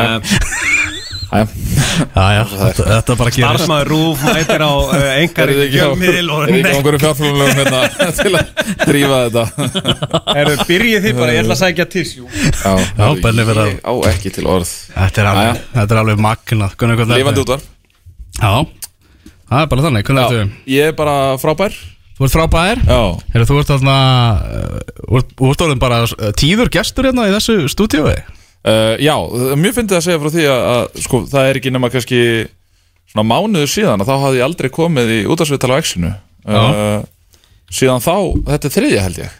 Þannig að hérna já. það má segja tíður gestur. Og í fyrsta sinn hér þannig að mér líður svona fyrst núna kannski eins og maður sé svona búin að meika það sko. Já, það er þannig, nú er þetta komið. Já, nú er þetta komið einhvern veginn sko. Algjörlega, þú ætlar að þarna, segja okkur ferðasögu hérna á eftir en meðan þið eru að þrýfa þetta upp þá ætlum við að heyra í góðu manni Halldóri Martinsinni á rauðudjöflarni.is því að við erum hérna í uppbóta tíma í leik Manchester United og Leeds og staðan er Manchester United eh, 5 Leeds 1 Dóri, ég ætla að giska á að þú sért brosandi ring Já, maður er bara hoppandi kátur, þetta er eiginlega bara, þú veist, fyrstu mínútur að bara heyra í áhörundum allt aftur á hérna á vellinum. Uh, það gaf manni ákveðin að gæsa úr strax og svo náttúrulega bara að því að það var eitthvað svolítið fyndið, maður var svona pínu smeyku við hennar leik fyrirfram, fá líts í fyrsta leik þetta er svona lið sem er náttúrulega vinnur samt og kjarnin úr, úr United liðin að koma úr svona sumarfríi og, og maður vissi ekki alveg hvernig það kemur stendur innan leik en, þetta var eiginlega bara fullkomið leikur til að byrja á, á,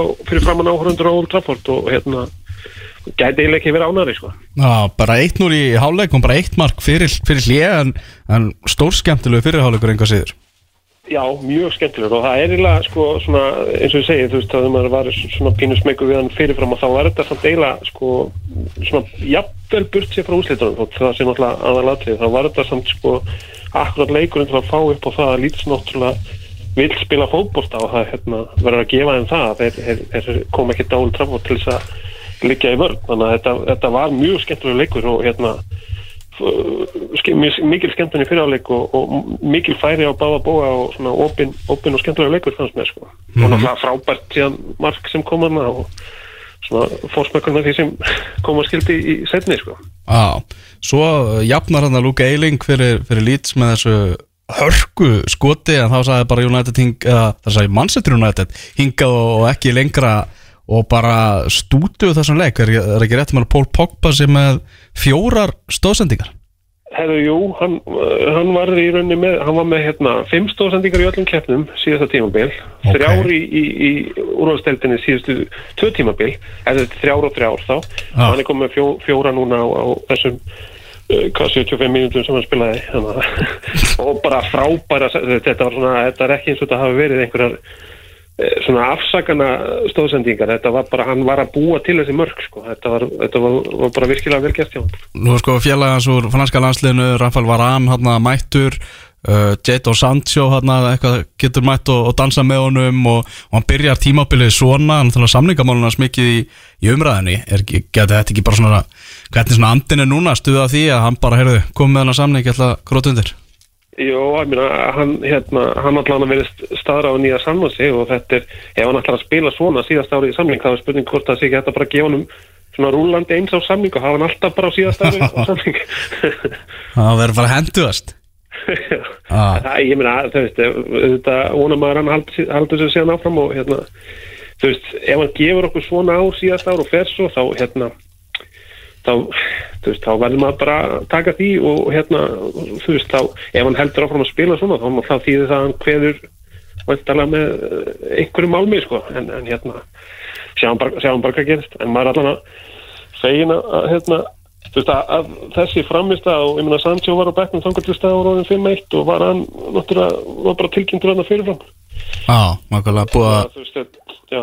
Búið að flauta þennan leika 5-1 Ég náttúrulega, já, Manchester United stuðnismenn eru peppaðir fyrir þetta tímabil og að segja það, en það er nú fleiri félög hann sem hafa svo sannlega verið að blása í, í herlúðra, það er einhverjir sem eru svona gæla við það, þetta gæti orðið eitthvað að krafa gætna á toppnum, en maður vonast nú eftir því fyrir hvert einasta tímabil, síðan hefur þetta verið þannig, já, núna undanförnu að liðin sem hafa unnið þetta hafa unnið með, já, nokkrum yfirbyrðum Já, einmitt. Uh, já, sko, þetta er náttúrulega þessi, þessi fjögulið sem er kannski svona eru helst, helst í umræðinni og, og það verður mjög frólægt að sjá til dæmis, maður er mjög ánægð með þennan leika, þetta náttúrulega er, er í rauninni þannilega að sé lið, sem að kannski hendar United ekkert vola illa að spila móti, þú veist, að kannski meiri prófraunir á móti öðrum liðum með, með fullri virðingu fyrir lýts að þá hérna þá, þú veist, þegar það hittir, þá hittir það eins og, eins og við sáum til dæmis bara í fyrra sko á mótið Eh, þannig að það er svona spurning hvað United gerir síðan þegar liðin eru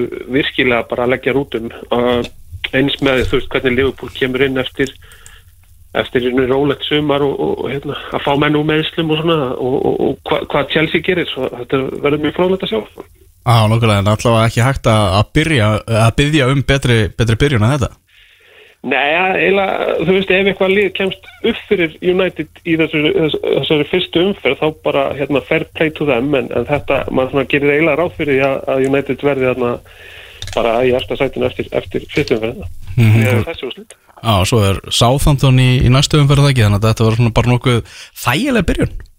Já, já, já, allan maður svona blaði maður bara svona versta, ég, maður var að sjá það þetta er, það er ekki fyrir á sunnudaginn þannig að það hérna, maður verður til í að fá þennan leik bara á föstudaginn eftir, eftir þetta, þetta sko. En, Já, við erum að sjá reyndar að það var einhver Arsenal maður að tala um það að hann vil ekki hafa Arsenal leiki á föstu degi því þá skemma þér helgina fyrir þeim sko. Já, já, reyndar. Það að Heyrðu, Haldur Martinsson, bara takk hjálpa fyrir þetta. Já, bara takk fyrir mig. Heyrðust bæ Blessaður. Já, fyrir með sigur hjá Manchester United. Gunni, þú ert Arsenal maður Já, já, við að byrja þar. Já, ekki bara klára það. Mjúkaði af. Eh, Jú, ég, hérna, jú, ég er það. Ég er nú svo sem, ég er nú kannski Jú, ég, ég náttúrulega hef verið bara stuðnismæður frá, frá, frá, frá fæðingu sko, en, en, en þetta er svona kannski farið að hafa meira, minn, minni áhrif á, á, á mitt sálarlíf. Mm. Ég tók svona ák, meðvitað ákvörðun fyrir, fyrir nokkrum árum síðan að, hérna, að að væri lítið sem að ég geti gert í þessu. Og Við erum ekki að búast til því að sjá því Arsenal TV í Öskalandi Nei, nei, ég vastu það. Uh, Ég er svona Já, eins og ég segi, þetta er svona Ég hafði engar væntingar í raun og veru fyrir þetta tímabil En ég er samt alltaf mjög sko Þú veist, ef einhver Áður spyr eitthvað að mig. fylgjast með í sumar eða, þú veist, það voru olimpíuleika Já, já, já og annað, það, það var eitthvað að trubla Já, það var eitthvað að trubla sko. Uh, Þannig að, þannig að hérna, glugginn fór svolítið fram hjá mér og svona En, en, en það voru þarna einhverjir gæðar komnir uh, Þú veist, ef það er ekki risastór snapp Þá nenni ég ekki að heyra því sko. Það er svolítið Það er svo þess Það er maður þurfa að velja og hafna í- Já, já, Já, já, en eins og ég segi Þetta er bara, faðir þegar það og- gengur vel Þá sjáu þið mig út um allt að, hérna, Þú veist, þá er ég með læti sko. En þegar það gengur illa þá bara tjáum ég ekkert. Silma er náttúrulega með svo döðsil farin og svona sko Það var náttúrulega mikið högg, ég ætla ekki að neða því. Það var mikið högg fyrir mig og, og hérna, kannski, svona, og kannski þegar við lítum tilbaka af þeim bestu sem hefur spilað í, í deildinni. Ok. Förum yfir í yfir til, til Skotlands. Þú laðir land undir fót á COVID-tímum. Já, hvort ég gerði. Herðu og skelltu þér til Skotlands á þennan leik hérna í Aberdeen breyðablík bara svona fyrst svona já bara hvernig er að að ferðast? Var þetta veselni? Uh, Þetta var glettilega lítið vesen. Uh, Fyrir utan það hérna, að berandi þessa grímu alla leið og allt það sko. Uh, Þetta eru náttúrulega alveg slatta pappir að fylla út fyrir brottfur og, og svo þetta, þetta COVID-test sem, eða þetta PCR-test sem að þú, þú ert að fara í. En, en það sem við vorum bara í sólaringi raun og veru í Breitlandi Mm. að þá, þá var þetta kannski minna vesen ég, held, ég hef heyrt af því að þú ert lengur að þá þarfst að taka eitthvað tveggja daga test og skila niðurstöðum úr því og eitthvað svona Ah, uh, við svo pöntuðum bara þetta tveggja daga test tókuð aldrei ég let senda það á okkar, hótel í Aberdeen sem ég kom aldrei nálægt sko. þannig að hérna, bara til þess að vera með kvittununa fyrir því að já, já. en þau skoðaði ekki nánar en það sko. uh, en, en, en svona heilt yfir þá í raun og veru eina var, það var, hérna, var bara eitthvað vol í, í, á vellinum í Manchester þegar við millilendum þar á leiðinni út þetta voru fjögur flug tótal sko. ah. það er langt ferðalag, báða leiðir Sko þú veist það er ekki gaman að vera í flugvel Þetta séu svona flestir á því Það nei. ekkert, ekkert skemmtilegt Nei. En að bæta grímunu ofan á Já. það Það er Já, og svo hef ég svo hefur mér tekist að þróa með mér svona letta flug, flugræslu alltaf bara með hverju árunum sem líður sko. Já það er svoleiðis og það var mikill veltingur uh, sérstaklega á leiðinni heim sko. og ég var bara illa sofin og þú veist, ég var bara einhvern veginn bara mjög erfiður sko Já, bæði í báðum flugunum sko En talandi um, um svefn og svona að því að eh, já, þú kannski byrjar að lýsa stundum uh, 3.29 eða eitthvað líka Já, Hvað hérna, hvernig er bara svefnin? Eða þú veist, hvað, hvað ertu bara í líkamarum og heiminum? hann er svona aðeins að réttast við ætli ég sé ekki komin kannski þú veist, ég er kannski í austur-Európa einhverstað núna tíma, tí, í tímabeltinu sko. ég er að, ég er að vinna með hægt og rólega frá Asíu uh, en þetta var þetta er snúið sko út af því að, að því að svo náttúrulega er ég með aðra vinnu sem er leiðis líka þannig að ég þarf að mæti hana uh, þú veist, ég þjálfari náttúrulega hjá, hjá breyðaflíki og hérna þannig að þetta var svona, maður þurfti að halda nokkrum boltum á lofti og, og hérna en svona alltaf í, í þessu þegar það kemur á svona olimpíuleikum við höfum alltaf einu svona áður, þetta var svipað á vetur olimpíuleikunum 2018 í, sem að voru í Pyeongchang í Koru mm. maður hugsa bara alltaf þetta eru, þetta eru tvær vikur af sársöka og svo er þetta svo, svo er maður búinn í þessu sko já, já, já. þannig að það er svona en, en sólarhingurinn í algjöru djöfis spulli sko já, ekki skilið það já, lítið sofið, lítið sofið Hva, hvenar laðar að stað? Eða, þú veist, var, það bara enn einu sinni ræs 3.30 og haldið út á völl? Eða hvernig? á ræs 5 Já, og við fórum saman hjá, Hanna Sím Queen, Hanna Sím sem er með meira prófi í svona ferðum já, já, já. uh, þannig að hérna það var ræs 5 og, og við áttum flug þarna nýju eða eitthvað, við vorum beðnum að mæta ekstra snemma út af, út af einhverju röðum og eitthvað svona uh, á keflaugluvilli en það, var, það voru eiginlega yngar raðir þegar við mættum hann út. Og bara svona nokkuð hefðbundið að ferðast. Fyrir utan það eins og ég segja að sína þarna pappiræfni eitthvað próf og bólusetningu og eitthvað svona sem er ekkert mál að vera með í símanum. Að komir, eins og ég segja, að komir óvart hvað þetta var í raun og veru einfalt ferli. Já. og bara það einhvern veginn að vera komin upp í vél og vera á leiðinni einhvert bara nánast sama hvert sko, hafandi ekki ferðast síðan í janúar 2020 sko, og þá til Lillehammer sko, ég, veist, þangað sem ég hef farið svona 150 sunum að, að bara það að komast eitthvað það bara uh, létti einhvern veginn lífið bara, þú veist, maður bara einhvern já veginn þú ert þar. Já, Ég finn ekkert fyrir þessum, ég, ég elska Ísland sko. Já, já, ég elska það að vera hérna sko. Ég, er ekki, ég er engin heitir eða neitt svoleiðis en, en þetta er bara svona einhvern veginn bara eitthvað að skiptum umhverfi og bara heyra annað tungumál bara reyndar. basically sko. já, jú, já, já. Þannig að hérna, og tala nú ekki um þegar þetta endar á, á fótboltaleik sko já. fólk Förum aðeins í fótbolltaleikin Já. Það ætlum að tala um uh, ferðalag Já, Já, og þessum, þessum ágæta velli þeirra Aberdeen manna, hvað voru 15.000 manns, eitthvað þannig já, mér skil 16.000 Já, uh, og eina ástæðan fyrir að þeir máttu í raun og veru ekki fylla völlin var út af einhverjum uh, sem sagt, einhverju protokólar varðandi sko fólk uh, annars vegar sko langveikir uh, fatlaðir og annars leikt að þau þurft að vera með eitthvað x mikið svæði frá sér.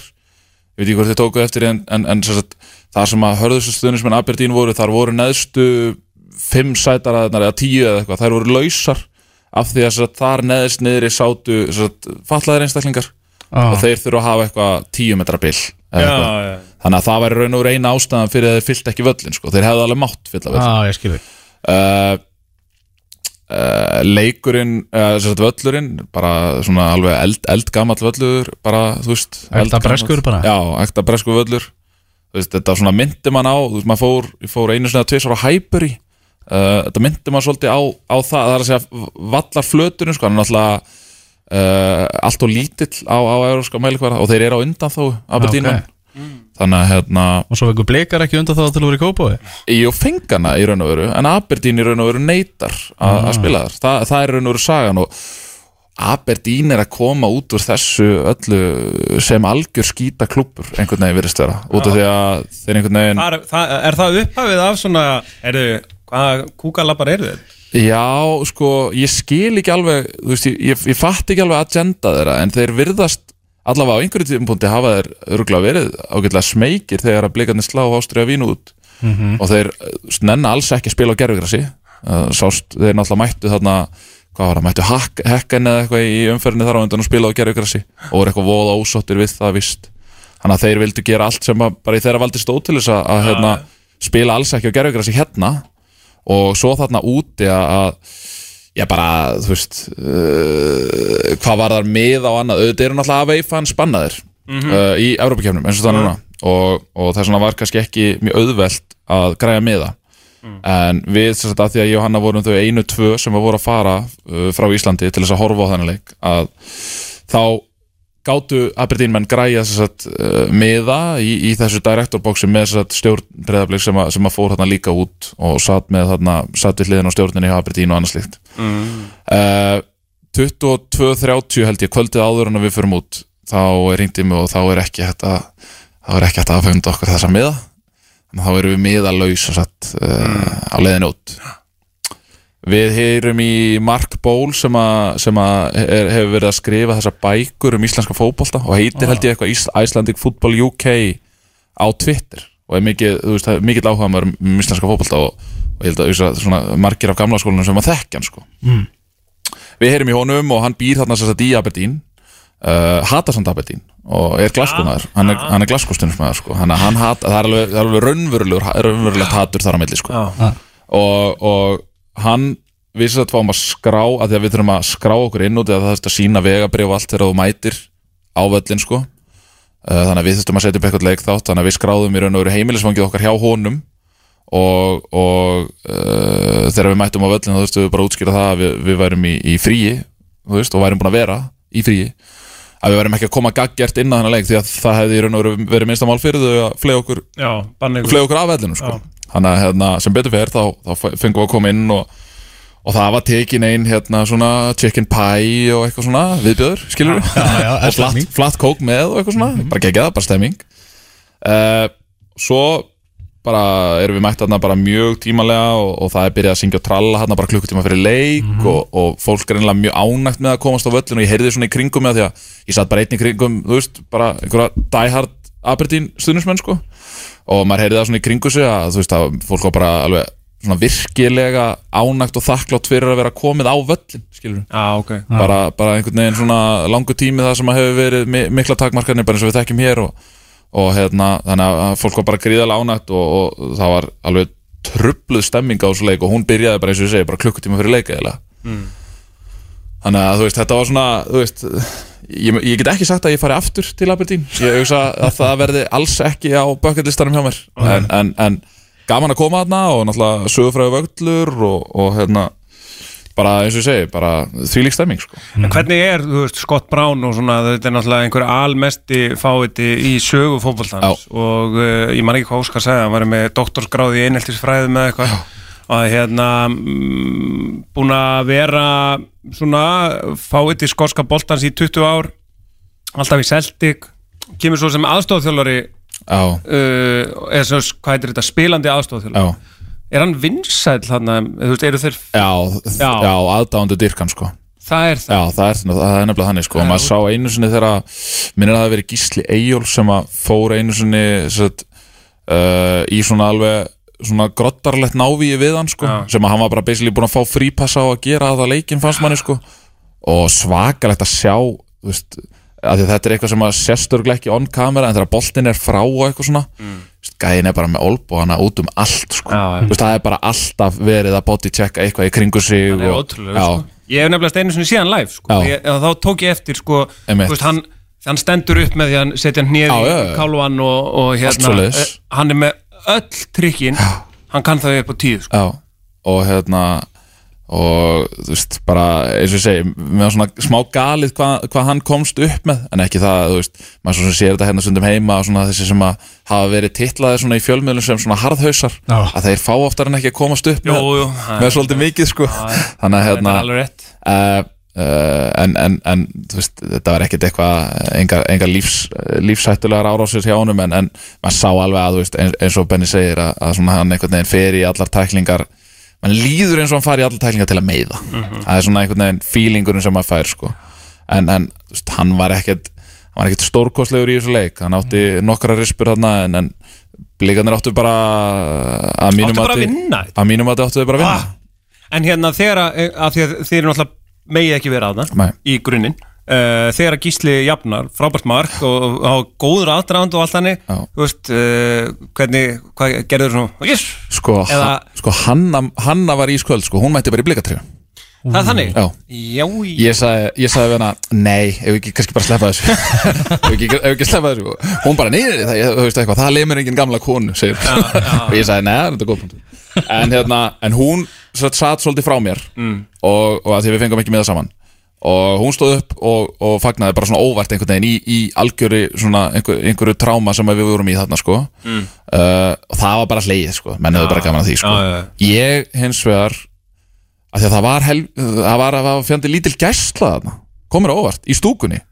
Já, Þannig að breytanir tvisvar- eru nú bara almennt held ég ekkert fyrir gæst Nei, þannig að tvisvar færði ég mig um sæti alltaf, ég var alltaf að færa mig nær og nær miðjunni og nær og nær vellinum. Já, já, Þannig að undir lokið þá var ég komið að við hliðin á varamannabæknum hjá blikunum þar sem að voru fullt af lausum sætum. Og það var enginn sem sagði henni við því Þannig að ég þar tók alveg trilltingin sko. Og ég var alveg bara, Ég var einmitt að pæli sko, þegar þú spyrti myndin á Instagram Já. þér og tóna, sko. Bara býtu, fyrst bara að valsa um völlin og eitthvað svona. Tóni, ég hef með þér það sagði enginn neitt sko. Það er þannig. Já Þannig að þú veist, og, og meiri segja sko handrið, við erum raun og sikkur með við handrið en það var opið sko, þú veist, tóni lokaði því og, og svo tók við myndina sko. Þannig að þú veist, ef, ef að mér hefði langað henn á völlin þá hefði ég bara farið henn á völlin held ég sko. Já, ég skilji Þannig að hérna en, en þetta var bara, þú veist, geggjuð upplifun og au- auðvitað alveg hundfullt að tapa þessu leik sérstaklega því að þú veist, ég, maður leiði sér alveg að fara með svona smá væntingar inn í hennar leik með hvernig leikurinn það heima spilaðist. Þeir eru nú mæta bara með fimmana miðurblokk til leiks, þú veist, Aberdeen og hafa kannski svona takmarkaðan áhuga á því að vera eitthvað mikið að skora og ogna og eitthvað svona. Þú veist, eiga þarna 2-3 færi þarna undir lokin í, á fyrriháleik það sem maður er svona ógn eitthvað en, en það, það áttu blikaðin náttúrulega bara að vera komin yfir þegar Viktor Karl kemst í færið eftir, eftir fyrirgjöfuna frá Jassoni líklega þegar, þegar hann lendir í þarna tæklingunni og setur hann í stönginu út eða eitthvað þarna en annars fannst manni bara veist, eins og ég segi, blikandi bara hugrakkir óhrætti við að spila óhrætti líka við að Svitsson er bara diagonalt langt. Og það var að mynda ógt fyrir, fyrir Aberdeen þannig að þú veist þú veist ég veit ekki, ég veit ekki hvað maður á að segja eftir svona leik og því að þetta er náttúrulega, eins og ég segi, leðilegt að tapa innvíðinu en, en spila mennskan alveg klárlega af, þeim, af því kaliberi að það hefði í raun og verið ekki komin á óvart ef blikarnir hefði unnið þetta Virkilega gaman að sjá Jasson Daða í þessum leik þessar unga leikmann sem var bara í fyrra að spila í lengjudeldinni á Greinivík Já. og eitthvað mættur þarna bara í, í alvöru leik og standa sér svona á, á stóru sviði. Já, bara algjörlega og þú veist, og, þú veist það voru til dæmis ekki blíða móttökurnar sem hann, hann í raun og veru spilar þarna á hæri kantinum í raun og veru stúkum megin þar sem að ég er sko. Ah. alltaf er hann fær boltan þá bara hack him, kill him eitthvað svona skilur og hérna og, og alltaf þegar einhver náði já, já, já, alltaf þegar einhver náði tækling á hann þá bara trilltist allt og eitthvað svona sko. en, en maður sá líka að hérna t- talandi um Jason að hann er bara svona einn af svo ótrúlega mörgu leikmönnum sem að hefur verið auglist eftir betri framistöðu frá um að síndu í raun og veru sitt rétta andlit bæði þessu einvíi og einvíin á móti uh, Ástriða Vín. Þú veist, ég meina leikmenn sem hafa verið talað um þú veist, Viktor Margis, það hafa alltaf verið sett spurningamerki við hann. Uh, Oliver Sigurjóns, var hann búinn? Þú veist, ég meina, það var alveg mikið rætt um það. Þú veist, Anton Ari þó, uh, mikið rætt og reytað um hann þegar hann gerir mistök en, en kannski lítið þegar, þegar hann stendur sér vel en, en stendur sér frábælega í þessum tveimur einvíum sérstaklega og, og síðustu leikjum í Pepsi að einhvern veginn, mann fannst all liðið loksins vera að tikka, það var engin einn, fannst mér, einn eða tveir sem að, sem að stóða eitthvað upp úr sem eitthvað hafandi átt lélegan leik. Nei, sama með Höskuld Gunnlaugsson, ég meina hann er að eignast bara endur nýju lífdaga og Gísli Eyjólfsson Gís, frábær. Gísli Eyjólfsson frábær. Ah. og, og bara svona einhvern veginn jákvæmt að sjá svona heilstifta framistuðu frá blíkaliðinu en hann finnst líka eins og þetta sé orðið bara meira svona kannski ekki, hægt að segja að blíkalið sé ekki lið en, en mann man finnst þetta að vera bara orðið eins og bara fjölskylda inn á vellinum sko. Veist, það er einhvern veginn, það eru allir í sínt fannst mér. Og bara, þú veist, rosalega einhvern veginn það er ekki, það er ekki þetta stress og þetta tension sem hann fannst stundum vera í fyrra uh, sérstaklega þegar, þegar verið var að spila boltanum aftast kannski erfiðum aðstæðum. Þetta er meira orðið bara afslappað og cool sko, miðjumenn óhættu við að koma niður og fá boltan ekki af staðir og þeir voru. Mm varnamenn alltaf klárir í að fá boltan og þú veist leiðilegt bara eh, ógæðslega leiðilegt að segja það. En, en þú veist, ég var, ég var bara nánast nýbúin að sleppa orðinu að að, uh, segja hvað Damir hafi verið frábær í leiknum úti þegar, þegar hann í raun og veru gerir þessi mistök að ætla að skíla boltanum út fyrir sem að í raun og veru verður til þess að fyrsta marki kemur og þá svona að slóbleikana þessu utanendur sko út af því að hérna uh, færin voru alveg til staðar og þeir höfðu ekkert ógnan eitt rosalega mikið og eitthvað svona þannig að mér finnst ógeðslega leðilegt að þetta skildi hafi verið damir, damir sem að lendi í svona hvað maður að segja, svona einstaklingsmistökum að, þú veist, Já, bara svona átti bara að dundra þessu Já. skota bara út í Já. skilti og Já. segja bara hvað ætlar að gera einmitt, að hann var búinn að vera því nefnilega sko. Það var búinn að vera ógeðslega fastur fyrir hann var búinn ætlaði að vera að gera eitthvað annað. vel, en hann hefur vanunur, já, já. Hann er bara svolítið Þannig svoleiðis. upplýði ég allan þetta marg Já, já og ég meina þú veist, þegar það kemur bolti inn í marktegin af þessu færi það er bara, það bara- 85% líkur á að einhver fá hann í svo inn sko. Já, þannig að hérna leiðilegt að þetta skildi hafa þróa svona. Ég meina annar markið er að þú veist maður getur lifað með því það er bara vel tekið skilji og en, en, en svona kannski enn og aftur það var engin eitt sem að mér fannst vera eitthvað slakur en, en auðvitað kannski stingur smá eftir á að Átni vil færi raun og veru tvö færi til þess að setja hann úr, úr bara frábæri stöðu. Einu sinni þar sem að markmaðurinn er ekki einu sinni í marki. Setur, setur hann yfir. já, setur hann yfir. Já, hann, hann ætlaði að rífa gat já, já, já, já, það var ekkert eðlilega fast en Það svona- veist, rosa, rosa vond að það fór yfir. Já. Þannig að hérna, það er svona stakk soldið en, en, en eins og ég segi þú veist, ég hugsa að, að Bleikarnir og Óskar og Allir og Dóri og, og, og, hérna, og þessi 30 manna stjórn sem að fara hann úti ég hugsa að megi allir, megi allir vera bara mjög sáttir við sitt sko. Fjölgaði mikið stjórn Eftir Ég- árangur í sambastil Sko, það gerir það stundum í velgengni Já. og eru allir tilbúinir Já, ég, já. ég, ég fór aðeins yfir það hérna í, í hérna uh, með Gunnar Olslega að hérna, mér líður eins og sko, ska, nei, hérna, að blíkarnir séu pyrraðir yfir að hafa ekki farið áfram og séu núna bara, þú veist, þú mæti einhvern veginn skagamönnum ég, ég- sko, ég veit ekki hvernig er hægt að lýsa Nei. þessu en þetta er, þetta er einhvern veginn, þeir taka þú djöfullin og hérna og, og þeir eru að fara bara að ganga frá skagan Mér Ég- líður eins og það sé skagamenn sé að fara að lappa inn í gin ljón Já. E, já, hvernig- mér, já, ég tengi mjög vikið við hvað það segja og ég held að þetta sé alveg hár rétt ég, þú veist, ég sé ekki nefnilega, ég sé ekki neitt svekkelsi, að- það er rétt sem þú segir sko, ég hugsa sé ekki svekkelsið heldur meira bara svona einhvern veginn reyðir og ætla að beita reyðinni á rétta staði Mér finnst það sko. Já. bara algjörlega Já, og ég held að sé, það, það verður ekkit þungt að snúi sig einhvern veginn Nei. sem við vorum að spila á móti Scott. Brown nú er það bara Ísak það verður ekkit vandamál sko. Nei, nei. þetta er bara, ekki, þú veist, sko. farið inn kláraði þetta og þú veist Já, það verður bara mjög mjög spennandi að sjá það mæta til leiks þarna á móti skaganum svona leikur svona veist, gæti áraðið banana hýði sko ef, að- ef að menn eins og þú segir mæti ekki rétt standi til leiks en ég held, ég held að sé ég hef ekki bara svo enga trú ég ég- er bara, heyrðu, þeir eru að fara nú er maður bara farin að horfa á 12. Já. 13. september Já, nú er maður er bara, heyrðu, það er leikur inn sko. svo hlýtur það líka vera að þegar þú skoðar síðustu úrslit á Kópavásvelli þér hlýtur að líða ömurlega þegar þú feðangast Mhm. ég trú ekki öðru. Þú veist, þetta er svona þú veist, þetta er svona eins og að fara á þú veist, Anfield, hvað, 2018 eða eitthvað svona, eða 2019 þú veist, bara einhvern veginn þér hlýtur að líða bara þú veist, oh, skilur og ert Er ég ekki að fara- 80 hann kemur í þarna inn að er 174 einmitt, einmitt. Þú veist, það er bara hafi ekki fjórir af sex heimaleikjum breyðaflis eða eitthvað unnist 4-0 og mm veist, markatalin í síðustu heimaleikjum er bara eitthvað 24-2 og þá töljum við með Európa-leikina og eitthvað svona skilur þannig að Þess vegna hugsaði maður um þetta ef og hefði hefði fyrirleikurinn bara verið á Kópavásvelli sko. það hefði verið nefnilega mjög gaman að það. Ég, ég er ekkert að segja, ekkert endilega að það hefði unnið, en bara það að fara með jafnastöðu út og, og þurfa að láta Aberdeen aðeins opna sig og aðeins fara framar á vellin og þetta mynduðist alveg klárlega tækifæri þegar að blikarnir listu fyrstu pressuna sem að var oft á tíðum svona frekar áhugaðlega hjá þeim. Og þeir náðu að koma honum inn á miðsvæðið í einhverja svona yfirtölu þar sérstaklega í kringu Scott Brown að hérna, það mynduðist svo ótrúlega mi- mikið af góðum sjensum sem, að- sem að þeir hefðu getað nýtt sko. þannig að hérna en eins og ég segi bara ég, sko, ég held eh, ekkert með blikum en Nei. bóðslega held ég með þeim hann. Já. ég, en sko ég veit ekki hvort það hafa verið sko að því að það er eitthvað gott fyrir íslenska fótbolta eða að því ég hata skottbrá En svo stuðnismenn FH þarna sem voru ekkert að skilja í því að, að já, þeir sem eru ekki blikar hafi verið að halda með breyðabliki hérna í, í þessu leik Nei, en, en sko nú hef ég ekki ég hef ekki kynnt mér málið alveg í þaula en ég meina, hefur þetta ekki áhrif á alveg, alveg klálega hefur þetta áhrif á? Já, já. En, en Ég menna árangur breyðabliks getur bara orðið til þess að við fáum aftur Evrópusætið nákvæmlega. og FH Einmitt. Ge- geti þá komist meiri líkur að þeir komist aftur í Evrópu Já. Þú veist, Já, ég- við vorum í keppni við sko Gibraltar og eitthvað annað og, og, San Marino og, San eða Marino eitthvað.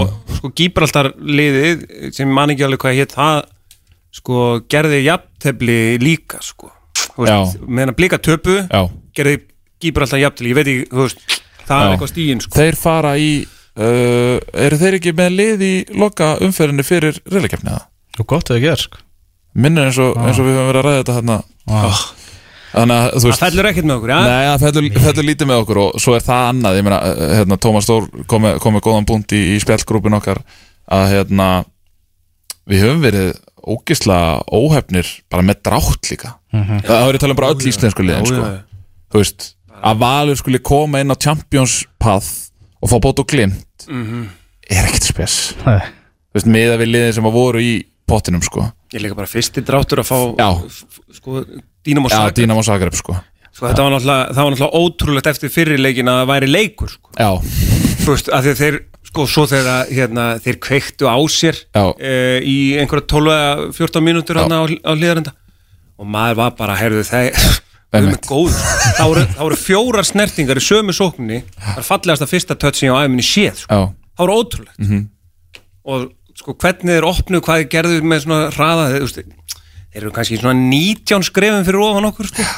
já, mikill að munur. þannig að það var gríðalega ofni já, uh, en það veist, já, bara líka ef maður- fær Rosenborg Emitt og ef maður horfir, þú veist, bara ef maður horfir ennþá lengra tilbaka þá var þetta líka þegar Valur var kannski í hvað mestum sjans að gera einhverja glóriður þarna þá í raun og veru fá þeir Rosenborg á, á svona uh, þú veist, þá eru þeir svona að koma tilbaka úr svona eftir, eftir mögur ár og rosalega hungraðir og eitthvað svoleiðis sko, með, með frábæran leikmannahóp og eitthvað svoleiðis að, bara svona pirrandi einhvern veginn á þeim tíum búin að fá Rosenborg líka bara því að ég hugsa að hvað var það mindset hjá íslensku liðunum að þá förum við kannski aðeins meira blind í sjóin þegar þetta eru kannski austur lið sem við vitum ekki nægilega mikið um Já, en við vitum alltaf að Rosenborg er stórveldi Þú veist. algjörlega bara einhvern veginn, það er ekki svo langt síðan að maður sá þá bara einhvern veginn á Stamford Bits í meistaraldinni sko. Þannig að hérna Valur fekk hérna, ég man ekki hvort það var Sheriff eða, eða hitlið hérna sem að var það sem að við vorum allum að vera undan röðin og fara í, í fjósið svona á 43. já, þá voru sko sex gæjar með iPad að hlaupa niður úr Já.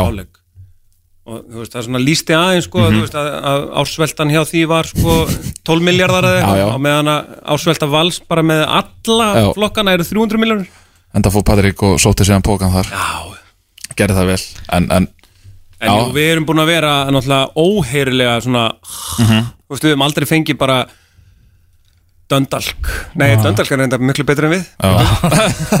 Nei, þú veist, ég, okkur. ég væri bara til að fá eins og þessi lið frá Gibraltar og eitthvað svoleiði skilur Já, þú veist að, ég meina að því að þeir hljóta að fara líka í genum með hann championship path, það lítur bara að vera sigurverðin í hverju deil Það lítur að vera sko. En niðurstaðan er svo að Aberdeen og Breiðablík eru ekki vinafjölög eftir Nei, það var að, sko, ekki undir neinum kringustæðum held ég sko. Og hérna og ég held, ég held að það sé bara fínt. Hugsa að, að ég ekki að vera að bendla sig við, við þetta félag, þetta var hérna og svo var líka bara, það var, það var alveg svona raunverulegur hatur í ganginir á velli eftir leik ég veit ekki hvort að útsendingin hafi rúlað eitthvað áfram eða eitthvað svoleiðis, en þú veist en það var alveg verið að láta menn heyra það sko. Og mér og- bæði Óskar og Dóri hjá vaða strax í Scott Brown. Sjálfsögðu. já, já, já. Og, og sko Óskar kemur hann inn er eitthvað að ræða við dómarana eitthvað og, og svo, svo sýnist mér Scott Brown verið eitthvað að ausa eitthvað yfir hann þannig að hann fyrir bara að svara á fullu sko. Og Scott Brown verður eitthvað voða kall og eitthvað ætlar að fara að hjóla í hann sko Óskar stóð bara og haggaðist ekki sko svo, ha, ég meina, sko, Óskar stóð nú í storminum sko við hérna e, í DFF í gamla daga og hérna það Já, voru alls konar e, miklu hættulegri menn heldur en Scott. Brown sko. Scott Brown myndi aldrei gera neitt, hann setur kassan í því sko. Þetta veit Óskar, sko. Já, já. hann hefur staðið á móti Já, já, já. hættulegri mönnum og sem voru reyðari en, en Scott Brown, ég get eiginlega alveg lofað því sko. já, svo heldur lætin áfram að það við klefan hjá Já. Breiðablíki þar sem að voru mættir hérna Aberdeen menn og, og, og ískóskum fjölmur núna verið að tala um það það er Óskar Raffn hérna talar um Scott Brown sem þekktast að einveltisegg fótboltans og að markurinn þeirra sem er 33 ára hafi hagað sér eins og 5 ára gammalt bann Já, hann var hann líka í, í miðju stormsins þarna eftir leik og var eitthvað að íta í menn og og svo svo að Dami líka mættur. Dami náttúrulega lætur aldrei svona fram að fara sko. aldrei. Aldrei. Þannig að hérna já, Þetta er romantísk deild. Þvílik innkoma. Ég er ekkert vissum að ég er ekkert vissum að við viljum vera að færa okkur eitthvað mikið ofar í Európa-deild eða eitthvað svo leiðis við höfum bara verið í samband. Hún er er Já, það er óvægt að segja það. Fáum við ekki titilbaráttu núna í Pepsi Max, allt til loka? Jó, það væri rosalega, það væri rosalega gaman allavega. Og eins og, eins og við rættum í síðastu engast að, hérna, að bara það að það sé spenna á, að, veist, á topp og botni. Að maður byrður ekki um mikið meira. Mér er eiginlega alveg sama hvaða lið verða hvoru megin sko. mér, nú er ég bara að horfa á þetta sem, sem hlutlega stuðnismæður deildarinnar og þetta er bara því miður, þá hefur þessi deild bara ekki verið nægilega skemmtilega undanfæri nár sko. En nú verður fjörið. Já, já, nú verður alveg hrikalegt fjör. Heyrðu Já, það er fjör. Talandi um fjör, ég er að fara á ekstravellin í, í grái Já, fjöln afturölding Já. Hann er að byrja núna klukkan 2 þeir taka hans út mangiból Já, heldur betur. Betur, það er já.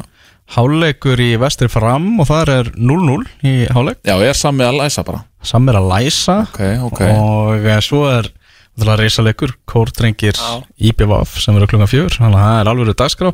Uh, Það er að byrja leikin náttúrulega núna í ennsku úrvalstildinni þar meðal Burnley Brighton þar sem að Jói Berg er í byrjunleginu hjá Burnley. Aðri leikir eru Chelsea, Crystal Palace, Everton, Southampton Leicester gegn Úlfónum og Watford gegn Aston Villa. Og svo er það Norrit samóti Liverpool sem að verður klukkan 16.30 á morgun. Þá er síðan uh, stórleikur Tottenham og Manchester City og einnig leikur Newcastle og Vestam það er bara þannig við ætlum að fara að segja þetta gott þennan lögadaginn Benni takk fyrir samfélgina og Gunni takk fyrir komuna Takk fyrir mig Og sullið. Já, já, harkilega er búið að þrýfa þetta allt upp já, já Já, er mjög söguna hérna á- mjög gott Elva Geir og Tómas Þór verða með ykkur uh, í næstu viku Exit 977